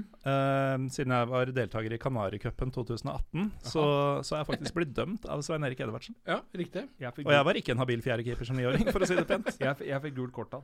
Nei. Ja. Du skulle vel hatt rødt, da, eller? Helt sikkert. Jo, men ikke sant. eh, Igjen da, tilbake til da jeg først begynte å se norsk fotball. Jeg kunne ikke diskutere situasjonene med en fotball, altså en, en, en kyndig dommer i etterkant. Så det er klart at man har fått noen talerør her. Og det, det vil jeg jo tro at dere også som, hvis dere skal gå i studio og snakke om ting, så tar jo dere også tempen på hva er det som nå diskuteres blant supportere, blant TV-seere osv. Det er naturlig. Ja, det er bare å sjekke Twitter, det. Mm. Fem minutter før pause, så, så, se, så ser du hva det går i. Og da må du selvfølgelig gripe fatt i det som faktisk engasjerer. Og i alle fall hvis det er sånn en en situasjon hvor folk er ganske delt, da, Mm. så kan du iallfall, om ikke avlegge fasit, iallfall komme med sånn sier regelverket. Og basert på gjeldende regelverk, så mener jeg at dette er den riktige avgjørelsen. Og så kan jo det godt være at situasjonen blusser opp igjen. Men eh, dommeravgjørelser er ofte folk veldig delt om, av forskjellige grunner. Mm. Og derfor tror jeg at uh, det er en av de tingene som er mest populært å, å debattere på eh, TV eller i podkaster eller på puben eller hjemme i, i stua. Jeg forstår hvorfor, og, og, og det er jo klart at det, det engasjerer. Og Det er derfor vi sitter her også. Uh, men det er, jeg, synes, altså jeg tror Anekdote, men det er, det er jo synd at VAR fører til enda mer dommerfokus generelt, og mindre og mindre fokus på selve spillet. Um, men det er, en, det er vel en del da av den, nettopp den utviklingen, som du sier. Ja, iallfall i begynnelsen. Jeg tror nok dette etter hvert vil, vil uh, gå seg til. Jeg sier ikke at vi kommer til å slutte å diskutere avgjørelser, men uh, når VAR, iallfall i, i min drømmeverden, begynner å fungere sånn som det bør fungere, så, så skal vi iallfall ikke sitte og, og krangle altfor mye om de store, stygge feilene. Så kan vi heller eh, begynne å diskutere da, andre ting som er mer interessante, og, og som kanskje også er vanskeligere å diskutere for, for folk flest. Vi, er, vi blir jo vant til det meste med tiden. altså Golden goal er jo helt OK. Alle er jo enige om at det fungerer plettfritt. det er goal nå, da. Silvergoal, da. Straffekonk ved uavgjort. Det, Ingen som savner det er jo- det var kortlevd. Det var fryktelig kortlevd. Det var vel den sesongen eh, norsk toppseriefotball har hatt det laveste tilskuersnittet. Det var den sesongen det var umulig å spille uavgjort. Jeg tror det var også den Var det det, ja? sesongen Strømmen stilte med drakter med ilsydde skulderputer. Var det da straffesparkkonkurranse ved uavgjort? Var det da straffesparkkonkurranse ved uavgjort? Nydelig. Litt sånn amerikansk-aktig. Det var vel Tom A. Skanke og fotballens eh, såkalte venner som, eh, som eh, fikk pressa inn det. Men det er jo interessant. altså, Nå tar jeg et eksempel fra Nord-Amerika og USA igjen da, på, på, på fotball. Da MLS først dukket opp, så, så kjørte man en del amerikanisering. Da var det ikke mulig med uavgjort, for det skjønner jo ikke amerikanerne egentlig hva er for noe. Og da var det jo, da var det jo hockeystraffer. Tied games. Ja, da var det hockeystraffer. Da Ja, de løp fra midtbanen. de løp fra midtbanen. Og det, det er jo nydelig. Problemet med det i, i fotball er at det er, det er faktisk så vanskelig å score sånn. Det er faktisk kjempefordel keeper, så det ble veldig sjelden skåring scoring på det. Og tilskuertallene på veldig mange av arenaene den gangen var veldig lave. Det er først da de skjønte at vi trenger ikke at klubbene skal hete Mutiny. De kan bare hete City eller United, eller, og, og vi kan forholde oss til hvordan ja, forholde oss til hvordan dette her har fungert utmerket i Sør-Amerika og Europa. Og vi trenger ikke denne amerikaniseringen av idretten. Det er først da eh, populariteten eh, virkelig i, skjøt fart. da. Både med tanke på tilskuertallene, som, eh, som i snitt er høyere enn f.eks. Altså per arena da, så er det i snitt høyere enn både NBA og NHL. Nå er det ikke nok flere kamper i NBA og, og NHL, men likevel, det, det, det viser noe om at interessen har økt voldsomt. Og det er den idretten i USA uh, som flest uh, driver med. Altså flest registrerte idrettsutøvere. Det er det veldig mange som ikke er klar over. Man tenker at det er baseball eller baseball eller et eller annet, men det er mange flere som spiller fotball enn det er amerikansk fotball, basketball, hockey osv. i USA. Uh, og mye av den den, den, opp, altså den, den virkelige oppblomstringa kom da etter at man slutta med en del av disse her forsøkene på amerikaniseringen av idretten. Uten at VAR egentlig er en amerikanisering av idretten, men det, det har konnotasjonene, er vel kanskje Ja, det er vel slik man riktig å si. Um, vi kan jo ikke um, ha Jesper og dere to andre som også er svært opptatt av norsk fotball her, uten å snakke om litt annet enn VAR også. mm. Uh, men jeg tenkte å avslutte, med mindre noen brenner inne med noen argumenter for eller mot VAR som, som ikke har blitt tatt ennå, så vil jeg gjerne ta et uh, sitat fra Misantropenatt på Twitter. Uh, som jeg tror kanskje er Vålinga-versjonen av deg, Trym. Ok. Han sier nemlig følgende Altså, altså en enda verre versjon av meg? Ja. En sprøytenarkoman utgave av deg. Hvordan skape flotte narrativer om klubben hvis du ikke har fått avgjørelser mot deg? Jeg elsker å sutre etter at Vålinga får Bojan utvist eller får et tvilsomt mål imot. Jeg elsker og dyrker tapernarrativet vårt. Ikke ta fra oss det. Ja, det er jo, det er jo et svært godt, uh, god problemstilling å stille til Start og sies. Så han treffer jo definitivt på hvem han stiller ja, ja. Du ønsker deg ikke noe tapernarrativ eh, rundt start, uh, Jesper? Er det én ting vi er gode på i Kristiansand, så er det vel unnskyldninger. Enten så er det for varmt, da er folk ute i båten. Eller så er det for kaldt, da sitter folk hjemme og ser. Eller så blåser det for mye, da ga det ikke gå på kamp. Altså, Vi har veldig mye forklaringer der nede på hvorfor det har gått som det har gått. Men ingen har vel egentlig kommet med noe, med noe fasit. Og hadde man hatt den fasiten, så hadde man kanskje fått til noe der nede. Det er trist og leit at, eh, at det har gått som det har gått, men la oss nå håpe i alle fall at det blir et eh, opprykk, og at eh, Start kan begynne å bygge opp igjen det som en gang var en meget morsom og fin klubb. Men uh, nå sa jeg at vi egentlig skulle avslutte VAR-greia, men uh, det er én ting vi bare så vidt toucha innom, som vi nesten glemte å følge opp, og det er jo forskjellen mellom det Altså hvis man innfører VAR eh, fullblods, forskjellen på det å se kampen i stua kontra stadion.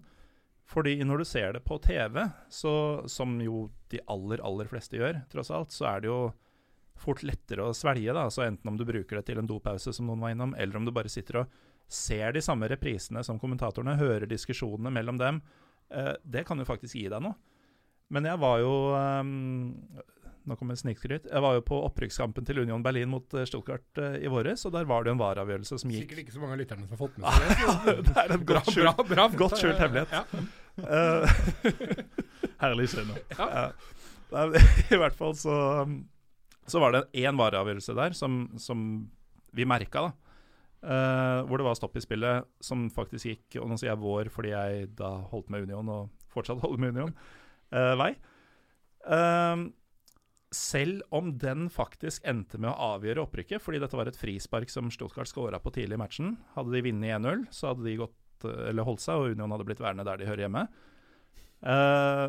Men Og selv etter var tvilsomt annullert fordi en fyr sto i veien for keeperen og ble dømt til å være del av spillet.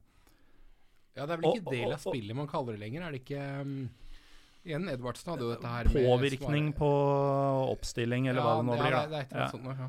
Men i hvert fall, han var eh, aktivt i bruk, da, Ja. uh, ifølge Sto en straffbar offside. Uh, Ja, det kan du si. Så er det ikke alle som er enig i det. Uh, men, men da var det sånn du, du står der og du venter, og du er ikke helt sikker på hva som foregår. Du har sett et frispark bare suse i kassa Ikke tenkt at uh, her var det noe ureglementert i det hele tatt. Og så står du og venter, og så viser det seg at dommeren bare sier plutselig etter et minutt eller noe sånt at uh, nei, det er frispark til keeperen til Union. Og det er sånn Jeg burde vært sjeleglad, men jeg ble bare stående hva, hva var dette for noe? Jeg har sett flere hundre fotballkamper, uh, både live og, og ellers, og jeg skjønte ikke. Og, og, og, selv om det gikk min vei, så, så var det liksom bare sånn det var nesten frustrasjon mer enn noe annet. Jeg syns jo det er interessant også, fordi at på stadion så tror jeg Fremmedgjøring av supportere? Ja, og, og, og, sånn som nå er ikke jeg følger jo ikke med på noe særlig verken andre eller førstebondesliga, men jeg har skjønt at Union Berlin spiller på en ikke en sånn supermoderne stadion à la Schalke og den, eh, det blir ikke spilt VM der med det første. Og det, det, er også en problemstilling. E, Espen, du snakka tidligere om kostnadene ved å innføre VAR i Eliteserien.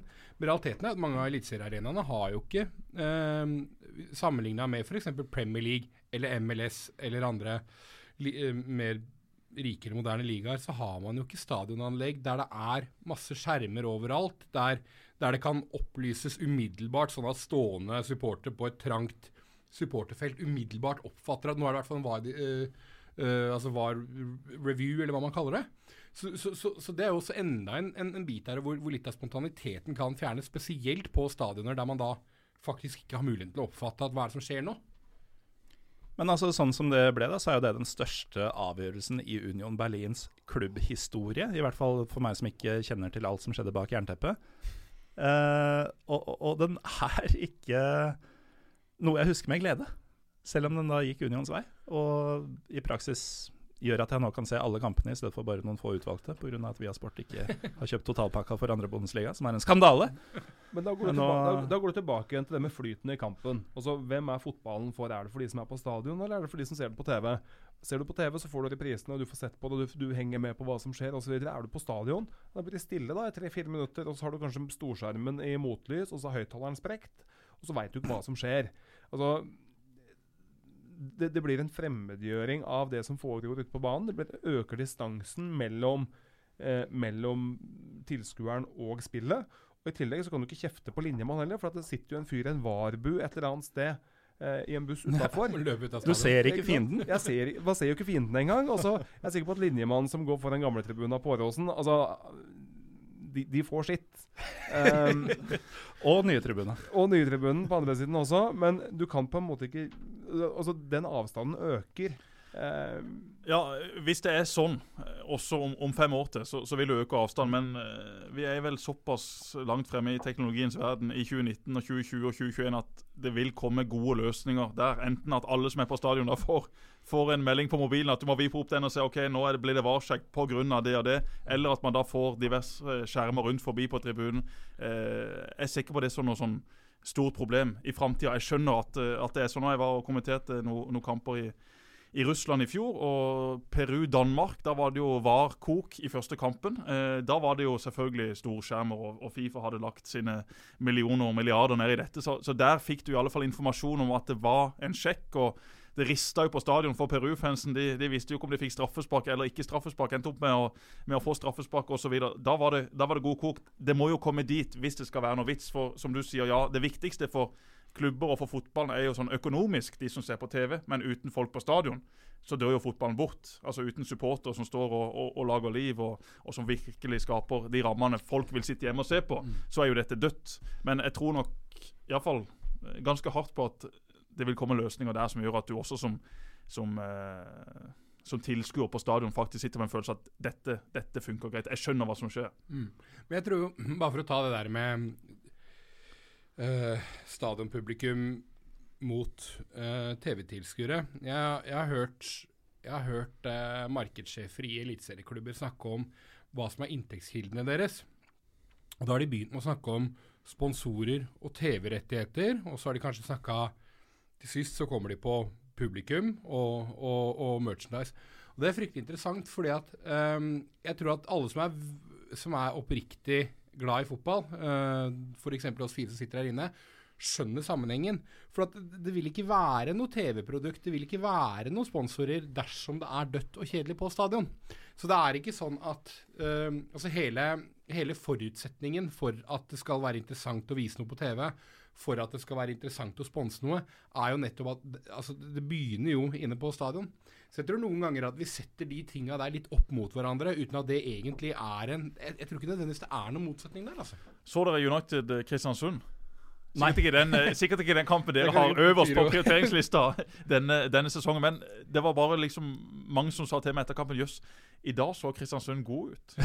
ja, og hvorfor gjorde de det? Jo, fordi det var utsolgt Ullevål. Og det var United som sto på motsatt halvdel. Kristiansund var sikkert ikke så veldig mye bedre enn det de normalt sett er. Men ramma på kampen Ja. gjorde jo dette faktisk til en kamp som mange likte å se. Og det, det er et uhyre godt poeng. Og Trym, eh, du og jeg så jo AIK Djurgården eh, sammen eh, på søndag. Ja, stemmer. Og snakka om akkurat det samme. At dette er fotball som i beste fall er på nivå med, en, med Haugesund-Rosenborg da, fra Haugesund stadion. Yes. Det føles så mye større eh, eh, Større er det jo åpenbart, men det føltes som det var Alt var så mye bedre. Ja, så nivå, bare fordi eh, man, man får en slags illusjon. Jeg mener at Allsvenskan PT faktisk er dårligere enn Eliteserien.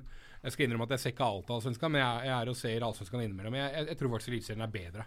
Uh, ikke mye, men jeg tror den er det. Uh, og jeg er helt enig med deg. Det føles nesten som at nivået på matchen Altså at spillet det føles som det er bedre enn det er, fordi det er Det er klart, det er trist å se å se Mjøndalen hjemme nå uten tribune, og de har ikke engang klart å sette opp uh, TV-tårnet så at det i hvert fall filmer mot den ene tribunen de faktisk har.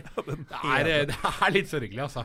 Uh, og da kan du se en fantastisk kamp. Mjøndalen-Bodø-Glimt tidligere denne sesongen her, som var en helt utrolig match. Men allikevel så føles det, det føles litt nakent, da.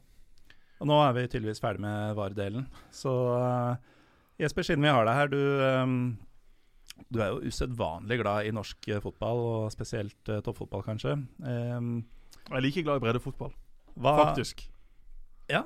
Ok, Har du noen gode breddestories fra denne sesongen, før vi går på Ja, altså Ikke denne sesongen. Noe av problemet med å få seg to unger eh, og ha seg en jobb hvor du reiser veldig mye, er at det er ikke alltid det er akseptabelt i heimen å stikke opp til Hellemyr for å se Vigør mot Don. Den, Du er, du er den sitter annen, langt inne. i en annen situasjon enn det Marius Helgå er. Ja, det er Men Marius kan ikke helt sammenlignes på det området. Men det å komme på en tredje-fjerdedivisjonskamp og, og møte folket på tribunen og kjøpe seg vaffel og en kaffe og, og virkelig eh, se på litt sånn middels fotball, men samtidig ha det veldig hyggelig, det stortrives jeg med. Og det er faktisk noe av det jeg savner akkurat sånn som livet mitt er per nå. Etter hvert som at ungene eh, kommer til å, å vokse til, og enten at uh, vi og da Trine er sammen eller ikke sammen, så blir det nok mer tid til å kunne reise rundt og se på litt breddeball igjen. Så det gleder jeg meg veldig til. Men jeg har sett altfor lite i, i 2019. Senest i går ville jeg opp og se Vindbjart 2. Men da var jeg liksom hjemme i fire timer før jeg skulle reise til Oslo igjen i dag. Det er klart, jeg kunne ikke komme og si du, jeg skal opp til Vennesland-tur. Hva skal du da gjøre? Nei, jeg skal se på Vindbjartstad 2. Den gikk ikke, altså. Jeg hadde ikke prøvd engang. Men det er, det er ikke hemmelig at du bruker tid på å sitte her nå? Eh, nei, for nå er jeg jo liksom i Oslo på jobb. Mm. Så, så dette er Dette er på jobb. Dette er innafor. Ja, ja, dette er på jobb. Ja, ja, ja. Honoraren er ikke all verden, det kan jeg bare si deg. Jeg får, jeg, får, jeg får to Pepsi Max. Det er den best betalte podkasten jeg noensinne har vært i. Men, men Don spiller vel på De spiller vel på gode, gamle, ærverdige Kristiansand eh, Ja, det er klart det. Don. Jeg har jo vært speaker for Don. Har du det? Ikke akkurat nå, men jeg var det for et par sesonger siden. Og det er jo ikke fjerdedommer i tredjedivisjon. Så da spurte jeg alltid over spikeranlegget dommer hvor mye har du lagt til. Og det var ikke alltid de ville svare, for det var sikkert litt sånn useriøst. Så jeg måtte spørre flere ganger. Og til slutt så kom det to eller tre fingre opp i været, liksom litt sånn forsiktig. OK? Ja, dommer har lagt til minimum tre minutter. Så eh, jeg storkoste meg i spikerbua. Men en av eh, våre hva skal vi si, mer eh, lidenskapelige lyttere, eh, Simen Prag, han er jo leder for eh, FK Dons herreavdeling.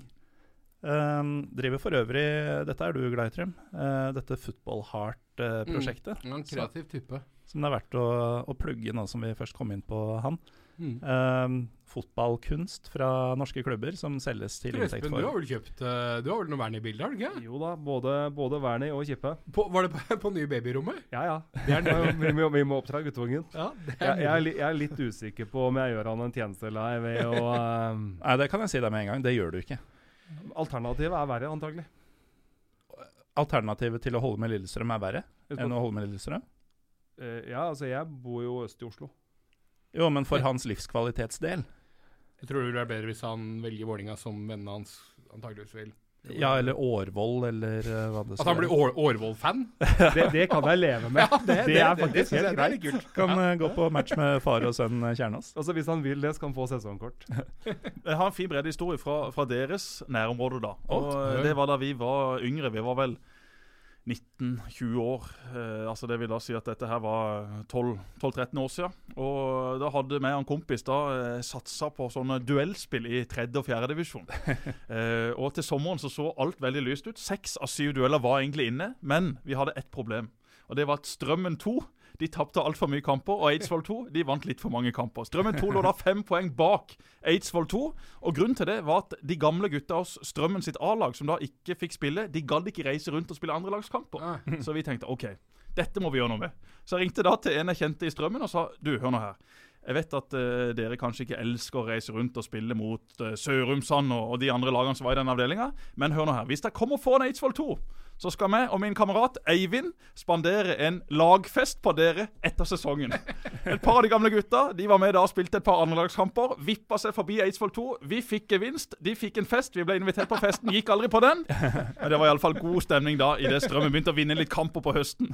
Ok, nå har jeg et nytt sitat til uh, til promotering av denne episoden, igjen med sånn liten skrift under. Jesper Mathisen. Jeg har bedrevet kampfiksing. Nei, dette er ikke kampfiksing. For vi ringte ikke til Eidsvoll 2 og ba de tape. Vi bare ga en liten bonus til Strømmen 2 sine Motivasjon gutter. må jo være lov. Ja, ja, ja, Det er det samme som å heie på noen. Det er, det er langt innafor. Men savner du, savner du å spille sjøl? Ja, hver eneste dag. Ja. Hver eneste dag. Ingenting er det- som å spille fotball. Ja, for jeg, satt jo nylig Jeg er faktisk i samme studio her sammen med Mats Hansen. Og han savner jo ikke fotballen i det hele tatt. Altså, Nei, er han sånn, bare nei, gleder seg til nei, slutte. ab- Absolutt ikke. Men du savner Men, men det henger kanskje sammen med at Mats ga seg eh, på det tidspunktet han sjøl ville gi seg på. Ja, Eh, Jeg var, jeg i min, min, min beste form og min beste alder Mm. idet jeg ble sparka ned av en spiller som er nevnt i denne podkasten tidligere av andre grunner, Babakar Sar. Mm, mm. Som eh, jeg da tagga opp litt på trening, og så spente han meg rett og slett rett ned bakfra. Og jeg da hadde skjøre knær fra før, måtte operere en siste gang, og da, da var det ferdig. Mm. Så, så det var liksom min avslutning på det hele, og det var egentlig veldig kjipt. For jeg har hatt en rotete vei opp og fram, og det har vært mye dårlige kamper, et par gode. og ja, et par halvdårlige sesonger, noen helt OK, men det var liksom da jeg var på mitt beste. Jeg var, jeg var frisk, jeg var godt trent, jeg hadde levert en, en god sesong i forveien. Og så Mm. kom det en, en sånn en smell og en sånn en skade, og så var det på mange måter slutt. Og selv om jeg har fått meg en, en morsom jobb i, i TV 2, det å spille fotball, det å gå på trening med, med gutta, altså om det er i sjette divisjon eller eliteserien jeg, tror det- jeg tror det er samme følelsen, men nå har jeg dessverre ikke bein til å kunne spille i sjette divisjon engang. Så Så ja, Don, Don er ikke aktuelt. Så. Nei, jeg skulle gjerne spilt for Don. Eh, Det gir deg på mange måter mye av det samme. Eh, Når du går ut på eh, banen i tredjedivisjon, så betyr det jo faktisk like mye der og da som de gutta som løper ut og spiller Champions League-finale. Det er jo følelsen du har som fotballspiller. Så det savner jeg veldig veldig mye. Det å kunne gå på trening og få ut litt frustrasjon. Altså, Nå er det jo ingen steder jeg kan klikke. Kan ikke plutselig klikke hjemme. Kan ikke plutselig klikke på gata. Det er Twitter, da. Ja, det er Twitter. ja, det blir litt på Twitter Men, innimellom. men, men eh, Twitter. litt sånn eh, digresjon der, men jeg håper du eh, tillater det, Morten. Altså, hvordan er Ikke det her i denne Nei, podkasten. Må redigere meg ut. Eh, det har jeg ofte vært flink på tidligere. Eh, hvordan er det da, når du eh, Får man da en beskjed av legen, av fysio, i, i start, eller hvordan er det? Er det sånn som i Rocky? Ja, liksom sånn, Får du beskjed at nå, det her går ikke, eller er det sånn at man da skjønner det sjøl at den opptreninga her, det vil ikke funke? Hvordan er liksom den, den prosessen der? Jeg fikk beskjed egentlig da jeg var 18, da hadde jeg operert knærne fem ganger, om at Ja, okay. dette, dette går ikke. Du må jo egentlig slutte med fotball. Ja. så siden da så skjønte jeg jo at jeg ikke kunne spille fotball eh, veldig lenge, men jeg hadde iallfall lyst til å spille så lenge jeg kunne. Mm. På det tidspunktet jeg ga meg, så, så sto jeg nede på La Manga og hadde egentlig prøvd å trene meg opp i ett år. Og Mm. da var det ei økt med og fysioterapeuten vår hadde. Og så kom det bare til et punkt, så sa jeg vet du hva, dette gidder jeg ikke mer. Nei. Dette gidder jeg ikke mer. Jeg gikk rett opp i leiligheten, ringte til Eistein Tue i TV 2, som hadde sagt jeg måtte ringe den dagen eh, kneet var gone. Eh, det gjorde jeg, og så reiste jeg til Bergen, så ble vi enige om en avtale. Og, og sånn gikk veien videre. Så det ble rett og slett bare nok med tanke på at man, man prøvde og prøvde og prøvde, men hadde bare smerter, ble bare frustrert og, og missa på mange måter gleden med det å spille fotball. Fotball er verdens gøyeste ting hvis du er sånn tålelig frisk, men hvis du alltid skal gå på trening og ha vondt og kne hovner opp, og, ja, da, da, da er det ikke noe å holde på med. altså. Men øh, karrieren din endte altså pga. en smell på trening? Ja, han gjorde egentlig det. Eh, selvfølgelig sammen med at jeg har hatt veldig mange operasjoner. Men, men det var den Altså, det var siste ikke en det var ikke holdt på å si årsaken, men virkninga, holdt jeg på å si. Ja, altså, Knærne mine var jo på mange måter gone uansett, men på det tidspunktet så, så funka kroppen veldig bra. Eh, Jeg spilte stopper sammen med Bismar Acosta, som i dag spiller i Brann. og vi, Mm. vi slapp knappe inn mål den, den siste halvdelen av sesongen. Jeg dunka inn et frispark også mot Nils Kenneth Udius, min gode venn fra Kristiansand, i, i en kamp mot, mot Lillestrøm. Apropos Nils Kenneth Udius, jeg må bare eh, avbryte der. Broren hans heter også Nils, Ja, til fornavn, og og vet du, hva spiller i Don. vet du hva faren heter? Nei, Nils. helt nydelig! Et brødrepar som heter Nils, og pappa Nils Kenneth, eh, Nils Fredrik og jeg vet da Ja, søren hva faren Nils, heter. Nils som fornavn, ikke som navn nummer to. Nei, nei, nei. Er nei. liksom Ja, ja. Jeg hadde, jeg hadde en elev for en del år tilbake som eh, var av internasjonal avstamning, holdt jeg på å si, og het dette. Ja. Broren hans, som gikk eh, et par år over, het dette. Ja. Altså, det, det var samme navnet, de har bare bytta ut siste bokstaven. Og det viste seg at sånn gikk det nedover i slekta, da, fant vi ut. Nydelig. Det, alle, alle bare het det samme, bortsett fra den ene bokstaven som de bytta ut. Det, det, er, det er jo ikke helt Grodås-familien, men nesten. nesten. Ja, hvordan er Grodås-familien, Espen? Hvordan, hvordan er dette? Er det brødrene til Frode, eller er det Altså det er Gunnar Robin og Robin Gunnar? Jeg syns det er nydelig. Jeg Elsker det. Ja, men Det endte jo da rett etter den taklinga. Jeg prøvde å trene meg opp, men, men da hadde kneet fått seg en sånn siste, siste dans.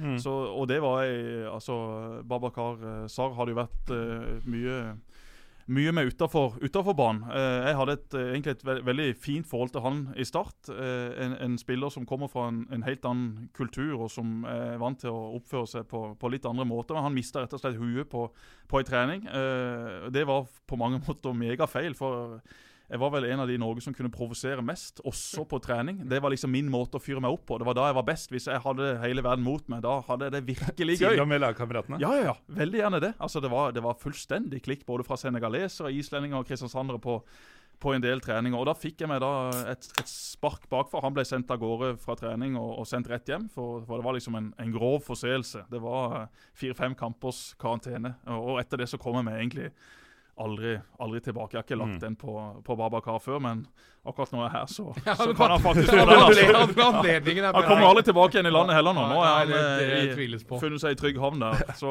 ja. så det, det, var, det var det siste som på mange måter skjedde. Jeg kom tilbake, spilte noen kamper, men eh, det var på halv maskin. Du finner nok aldri en bedre arena for å klandre Babakar Sar for var, noe enn Det, akkurat det, det var det jeg tenkte. Det var det jeg tenkte. Men eh, Jesper, du, eh, du er jo proffere enn oss. Um, I, um, I våres, før eliteseriestarten, så satt uh, Trym og jeg sammen med Petter Bø Tosterud og Patrick Veen og spådde Eliteserien uh, 2019. Nå er vi jo to tredjedeler igjennom.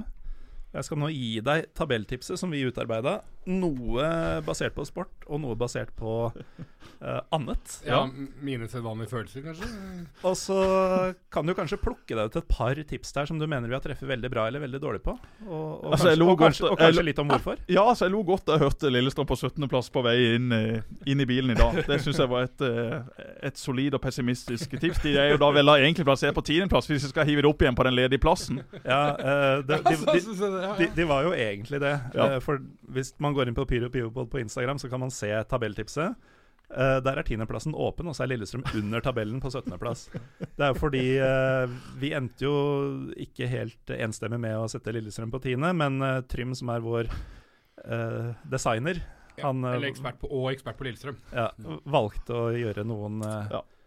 Men jeg vil jo tro at. Lillestrøm ender rundt tiendeplass. Jeg tror ikke de ble involvert i noen nedrykksstrid. Jeg tror de fem-seks lagene under Lillestrøm der kommer til å få trøbbel, men eh, Lillestrøm har en for god sentrallinje til at de skal rote seg inn i, i dette på slutten. De har to Selv med Matthew tilbake. Ja, selv med Matthew tilbake. Jeg tror han vil faktisk bidra positivt for Lillestrøm etter hvert. Han har vært god på trening. Er frisk. Forsto jeg på Svesengen her eh, om dagen. Jeg snakka med han før Fotballekstra. Han har vært fryktelig god på sant? Han, er, eh, han, er, han er et hakk opp eh, over både Smarason og Nå er ikke Smarason for så vidt alltid så god på trening, sies, men, men alle de beste spillerne er han et hakk over. Men, men dette, har vi, dette har vi hørt fra Lillestrøm i, i 20 år. At det ser bra ut på trening, at det er god treningsuke. Altså, at Ja, god treningsuke tror jeg er et skummelt ord Ja, overalt. altså, det, Ja, men altså, men altså, vi hører at spissene våre ser skarpe ut på trening.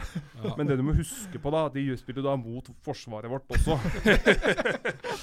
så, så, så god på trening i Lillestrøm. De har, ikke, de har ikke hatt så veldig mye verdi de Nei, nei, skjønner hva du mener. Ja. Og det finnes jo ikke en klubb i verden som har hatt ei dårlig treningsuke. Det- Eller ei dårlig oppkjøring. Nei, nei, Alle er bedre trent, alle trener med. Jeg hadde elsket Sånn er det en bare. trener som gikk inn i en match og sa at faen, den, den uka her har vært så tung. Dårlig forberedt. Det er liksom Gutta har vært ukonsentrerte. Det har liksom ikke fungert i det hele tatt. Det hadde jeg likt. Nei, men, altså, Lene Olsens maraton det er jo solid fremover i banen. De vil uh, sørge for at det blir nok mål. Uh, Midtbanen der med, med Krokstad, som har vært veldig morsom å se på. Han er jo en sånn lokal gutt som, som ingen hadde forventninger til før sesongen. Når vi da så Eller, eller midtveis i. ja, eller midtveis i sesongen, ja. Eh, men virkelig slått til i, i det siste. Og så har de faktisk eh, to gode stopper og en solid keeper, syns jeg. Selv om han jo gjorde en, en, en stygg feil mot Brann. Så sentrallinja til Lillestrøm er jo det som vil sørge for at de ender rundt tiendeplass. Jonas Tam må jo være en stopper etter ditt eh, hjerte. Ja, så jeg, jeg var jo stor, men Mm. jeg var jo egentlig ikke midtstopper. Eh, det var jo vondt for pappa idet han eh, lå i grava og, og fikk med seg at jeg da ble omskolert til midtstopper og begynte å, Ja, for virkelig rote rundt. Ja, jeg var jo spiss, jeg skulle jo bli spiss, men pappa gikk jo ikke på løkka for at jeg skulle bli midtstopper. Jeg skulle jo skåre mål, jeg skulle jo drible, jeg skulle jo assistere, jeg skulle jo være den kreative kraften. Var det noe du ville sjøl, eller var det tre? Nei, det var jo pga. alle kneoperasjonene. Så heiv Sandstø Rønningen meg rett ned i midtforsvaret. Det var eneste måten å få meg til å spille på, for jeg hadde mista såpass mye av- av det jeg hadde. Så det var en sånn redusert utgave av Jesper som etter hvert ble midtstopper. Mm. Det var det. Så Lillestrøm blir ikke nummer 17. Vi må passe oss for å ikke Ja. skremme bort alle som holder med andre lag her. Men vi har jo bl.a. Ranheim og Kristiansund på henholdsvis tredje- og fjerdeplass. Hvorfor har ikke det gått inn? Eh, Ranheim tok jo mye poeng første halvdel av sist sesong fordi at de spilte på en åker av en kunstgressbane. De la om kunstgresset sitt, og da mista de mye av den fordelen. mm. Ja, og så har de i tillegg mista viktige brikker. Jeg tror jeg hadde Ranheim nest sist på, på mitt tabelltips. Nå skal jeg ikke si at det blir så veldig mye mer treff enn en dette, men eh, jeg hadde ikke så troa på Ranheim før årets sesong. Jeg syns det er et sjarmerende lag med masse morsomme spillere og, og personer, men det måtte komme en dag hvor de da også kom tilbake på sitt vante nivå. De hadde også da eh, godt betalt på diverse statistikker fra i fjor. Kristiansund eh, har det på fjerde. De kommer nok ikke på fjerde, men jeg syns jo igjen de er i ferd med å, å gjennomføre en god sesong. Og måten de har bygd opp klubben sin på, er jo imponerende. Det er ikke all verdens av ressurser, men de har et sterkt kollektiv som egentlig alltid er involvert i, i jevne kamper. Jeg er så fascinert av Kristiansund. Det er, det, det er sånn uh, Eliteseriens svar på kong Midas. Alltid tar i, blir til gull. Altså, Nå kommer Pellegrino der. Han, altså, Pellegrino har vært middelmådig i Strømmen og enda litt dårligere enn det i Lillestrøm da han var i, altså, Eliteserien. Og så er det hva er det nå? To mål på to kamper?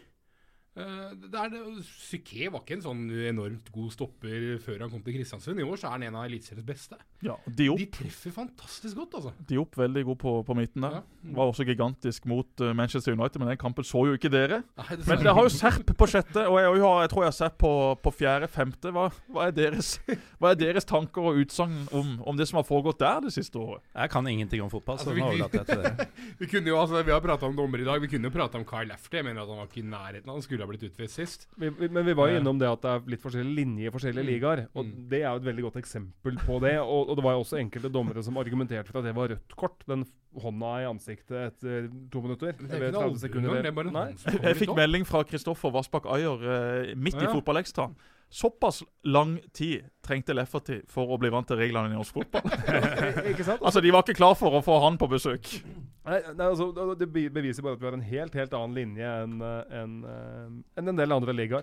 Men det, men det er fascinerende med Sarpsborg, hvordan de nå har rota rundt i, i år. Men det starta jo i fjor. Eh, De hadde jo fokus på Europa, gjorde det veldig bra der. Men ja. gjorde det ikke spesielt godt i, i ligaen. Og de trodde de hadde kontroll. De trodde de hadde kontroll. Men jeg, Eh, og så har de begynt å samle på fotballspillere. altså jeg hørte at, eller leste at de har 35 spillere på kontrakt per nå. Er det, er det riktig? Siste tolv måneder så har de henta 26 mann. Det er, eh, det er sånn, sånn Parma-stil, hvor, hvor da 18 av de skal lånes ut igjen. Bare at de blir værende i, i Sarpsborg, da. Eller sånn hvis vi skal tilbake til, eh, spiller jo for Sarpsborg 08. Hvis vi skal tilbake til amerikansk idrett, så er det sånn NFL tryouts, hvor du signer 124 spillere, hvorav 50 skal inn i den endelige troppen. Men, men, men hva, gjør, hva gjør det med en tropp, og hva gjør det med et lag?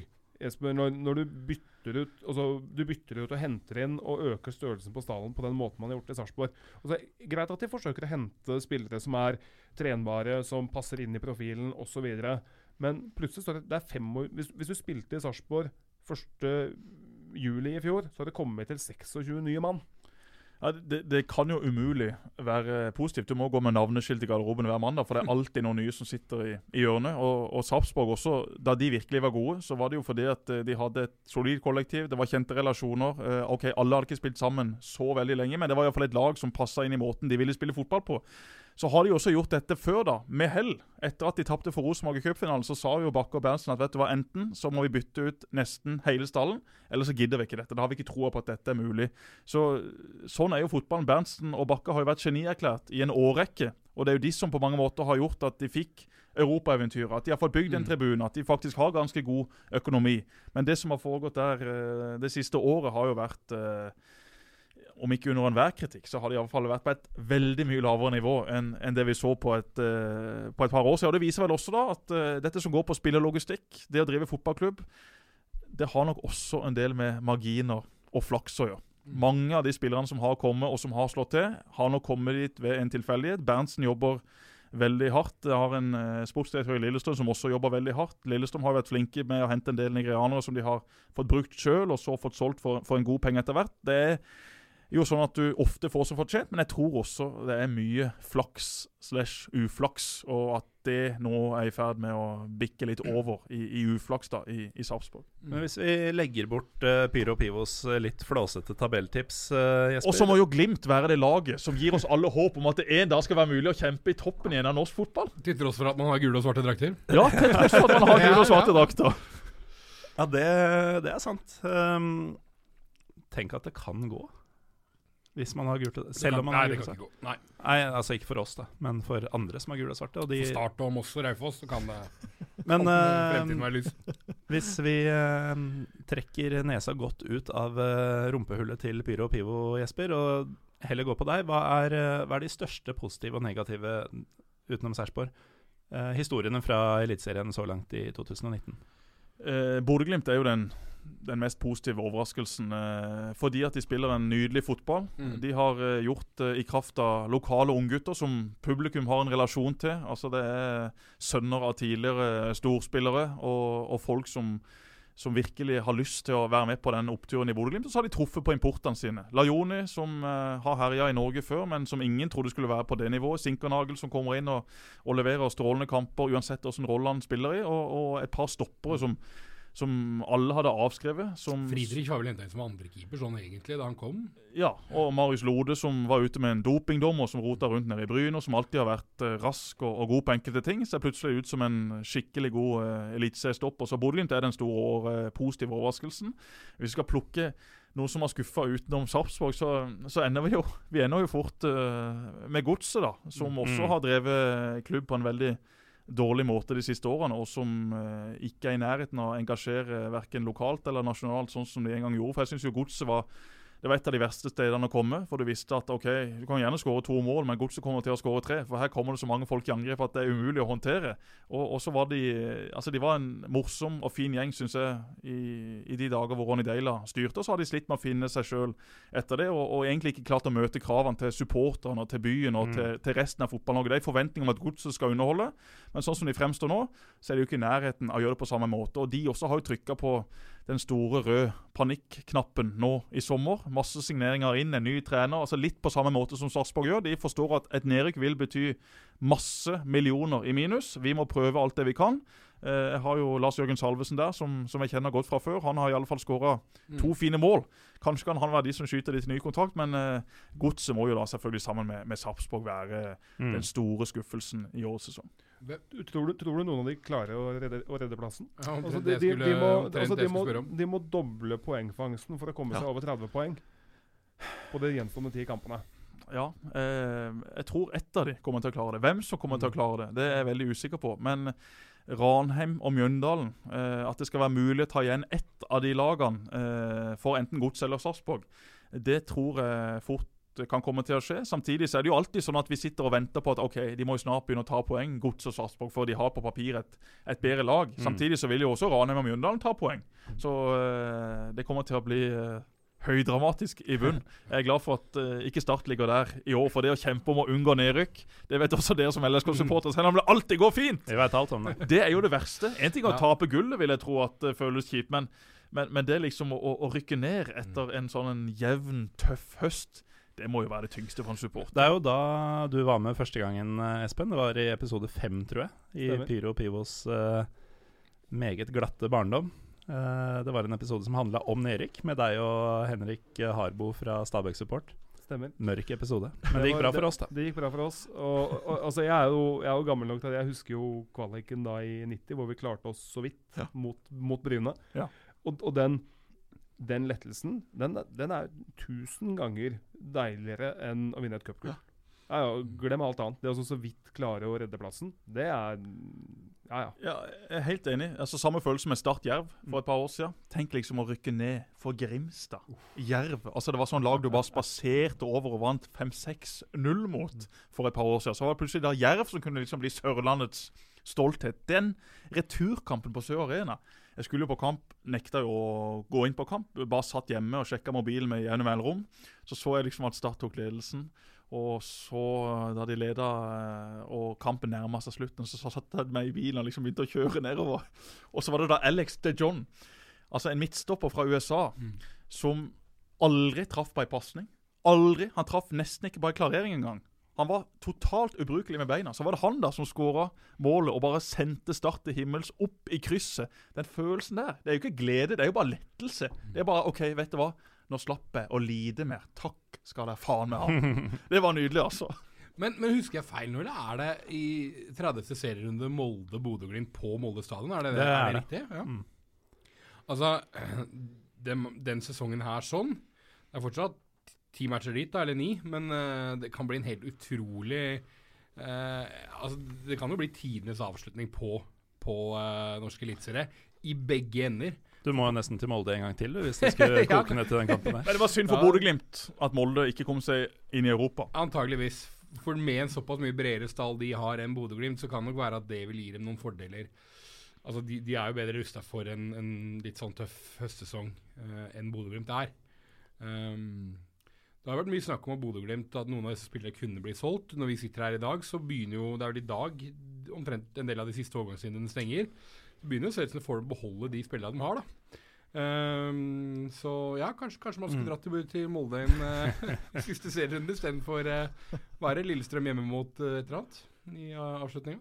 Sarpsborg. Jeg vet hvem Molde og Glimt har i siste runde, men jeg jeg vet ikke hvem er. Den kan bli ille nok. Lillestrøm-Sarpsborg kan bli en uh, hvert fall fort ha noen kvalik. Vi er med Vi er, med, vi er ved veis ende, er det jeg prøver å si. Um, Espen, hvem eh, rykker ned fra Eliteserien? Jeg tror uh, Godset rykker ned. Og så tror jeg eh, Ranheim rykker ned. Og så får vi se hvem som tar kvaliken. Og vinner blir Eh, jeg tror dessverre Molde vinner serien. Jesper? Altså, Jeg støtter Espen 100% i det Ja, han sier. Han har helt rett. Ja, eh, det gjenstår å se, men eh, jeg tror det samme.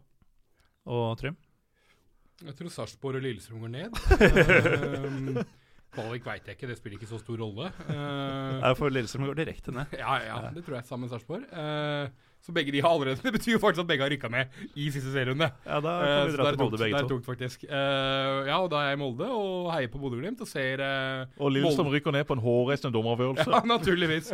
Som enkelt kunne ha plukka av VAR. Da skal, jeg tikke, da, da skal jeg tikke ned en melding til deg. Altså. Sikker på ikke du savner VAR akkurat nå. Ehm, nei, ehm, jeg tror Molde vinner. Jeg syns jeg, syns Bodø-Glimt har vært et av de mest fascinerende lagene jeg kan huske i Eliteserien på mange år. Sånn som de har spilt i år, og det at de er så tro mot sin spillestil, og at særlig Laoni Evin har vært uh, utrolig sexy å se på. Men, men jeg tror Molde har for mye dybdekvalitet, uh, håper å si dessverre. Um, så hvis det slår inn litt skader og sånne ting som gjerne gjør mot slutten av sesong, så tror jeg de er godt uh, rysta. Så jeg tror, jeg tror Molde vinner uh, Eliteserien. Ja. Litt sånn dyster avslutning på dette her nå, eh, Ja, ikke, ikke for deg som er glad i Molde. Ja, ikke sant, det var det. Ja, ja. Men uh, uansett, Trym, eh, for din uh, dommedagsprofeti på slutten, takk for at du var med likevel. Takk, takk for at jeg fikk være med. Og hvem rykker opp for Obos-ligaen, Morten? Um, ja, det gjør jo gutta dine. Ja. Deilig. Da får vi en god avslutning Ja. på episoden. Sammen med Ålesund. Ja. Ja. Har jeg rett i det, eller? Jeg har ikke sett på tabellen. på Jo, det høres, det høres- det høres greit ut for min del. ut, det. Ja. Um, og det er jo egentlig Jeg er jo, bare for å ta det kjapt Jeg er litt glad for at de kall i Gåstein litt større laga er i Eliteserien. Jeg føler at nå at vi kanskje har litt for mange av de små, da. Så um, få opp Start og Ålesund, um, det virker riktig. det har vært litt for mye sånn uh, Litt mye Ranheim og Sogndal og ja, ja, og noen eh, sånn skrem, skremselsgreier fra Nessotra, Ullkisa og sånne lag som egentlig ikke har noe særlig following, da. Med all respekt til de klubbene. Jeg prøver igjen her, Trym. Takk for at du var med. Jo, takk for at jeg, jeg fikk være med. Espen Ødemark, eh, takk for at du var med. Takk for at jeg fikk være med. Og takk for at du tok eh, kjøreturen fra kona som du er i ferd med å bytte ut, og så videre. Jeg kommer igjen når jeg måtte ønske. Ja, det kommer til å bli flere passende Ja, datoer ja, etter veldig bra. veldig bra. Um, jeg skulle si et eller annet Jo, uh, for mer av Trym, hør Mm. på LSK-podkasten Harde mottak. Mm. For mer av Espen, Uh, hyr ham til konsulenttjenestene han uh, driver med. Og for mer av Jesper, se på TV2 uh, fotballkamper og fotballsendinger. Jeg føler at sistnevnte kanskje drar litt større på den. Jeg vil også takke alle som har besøkt eh, denne internasjonale nettsiden som Trym har satt opp, pyropivo.com, og spesielt til dere som har bestilt eh, merch derfra. Eh, fredag neste uke, fredag den 13., så kommer vi tilbake til Bergen offentlige bibliotek, og jeg håper ikke at dere er lei av oss der borte, fordi nå har vi en ekstremt god gjest, tror jeg. Selve fotballagenten Knut Høybråten har eh, meldt sin ankomst for å fortelle skrøner og, og for å jazze med de frammøtte. Eh, det det sammen med meg, som heter Morten Galaasen, vi er Pyro Pivopod på Twitter og Instagram. Og snart begynner Europaligaen.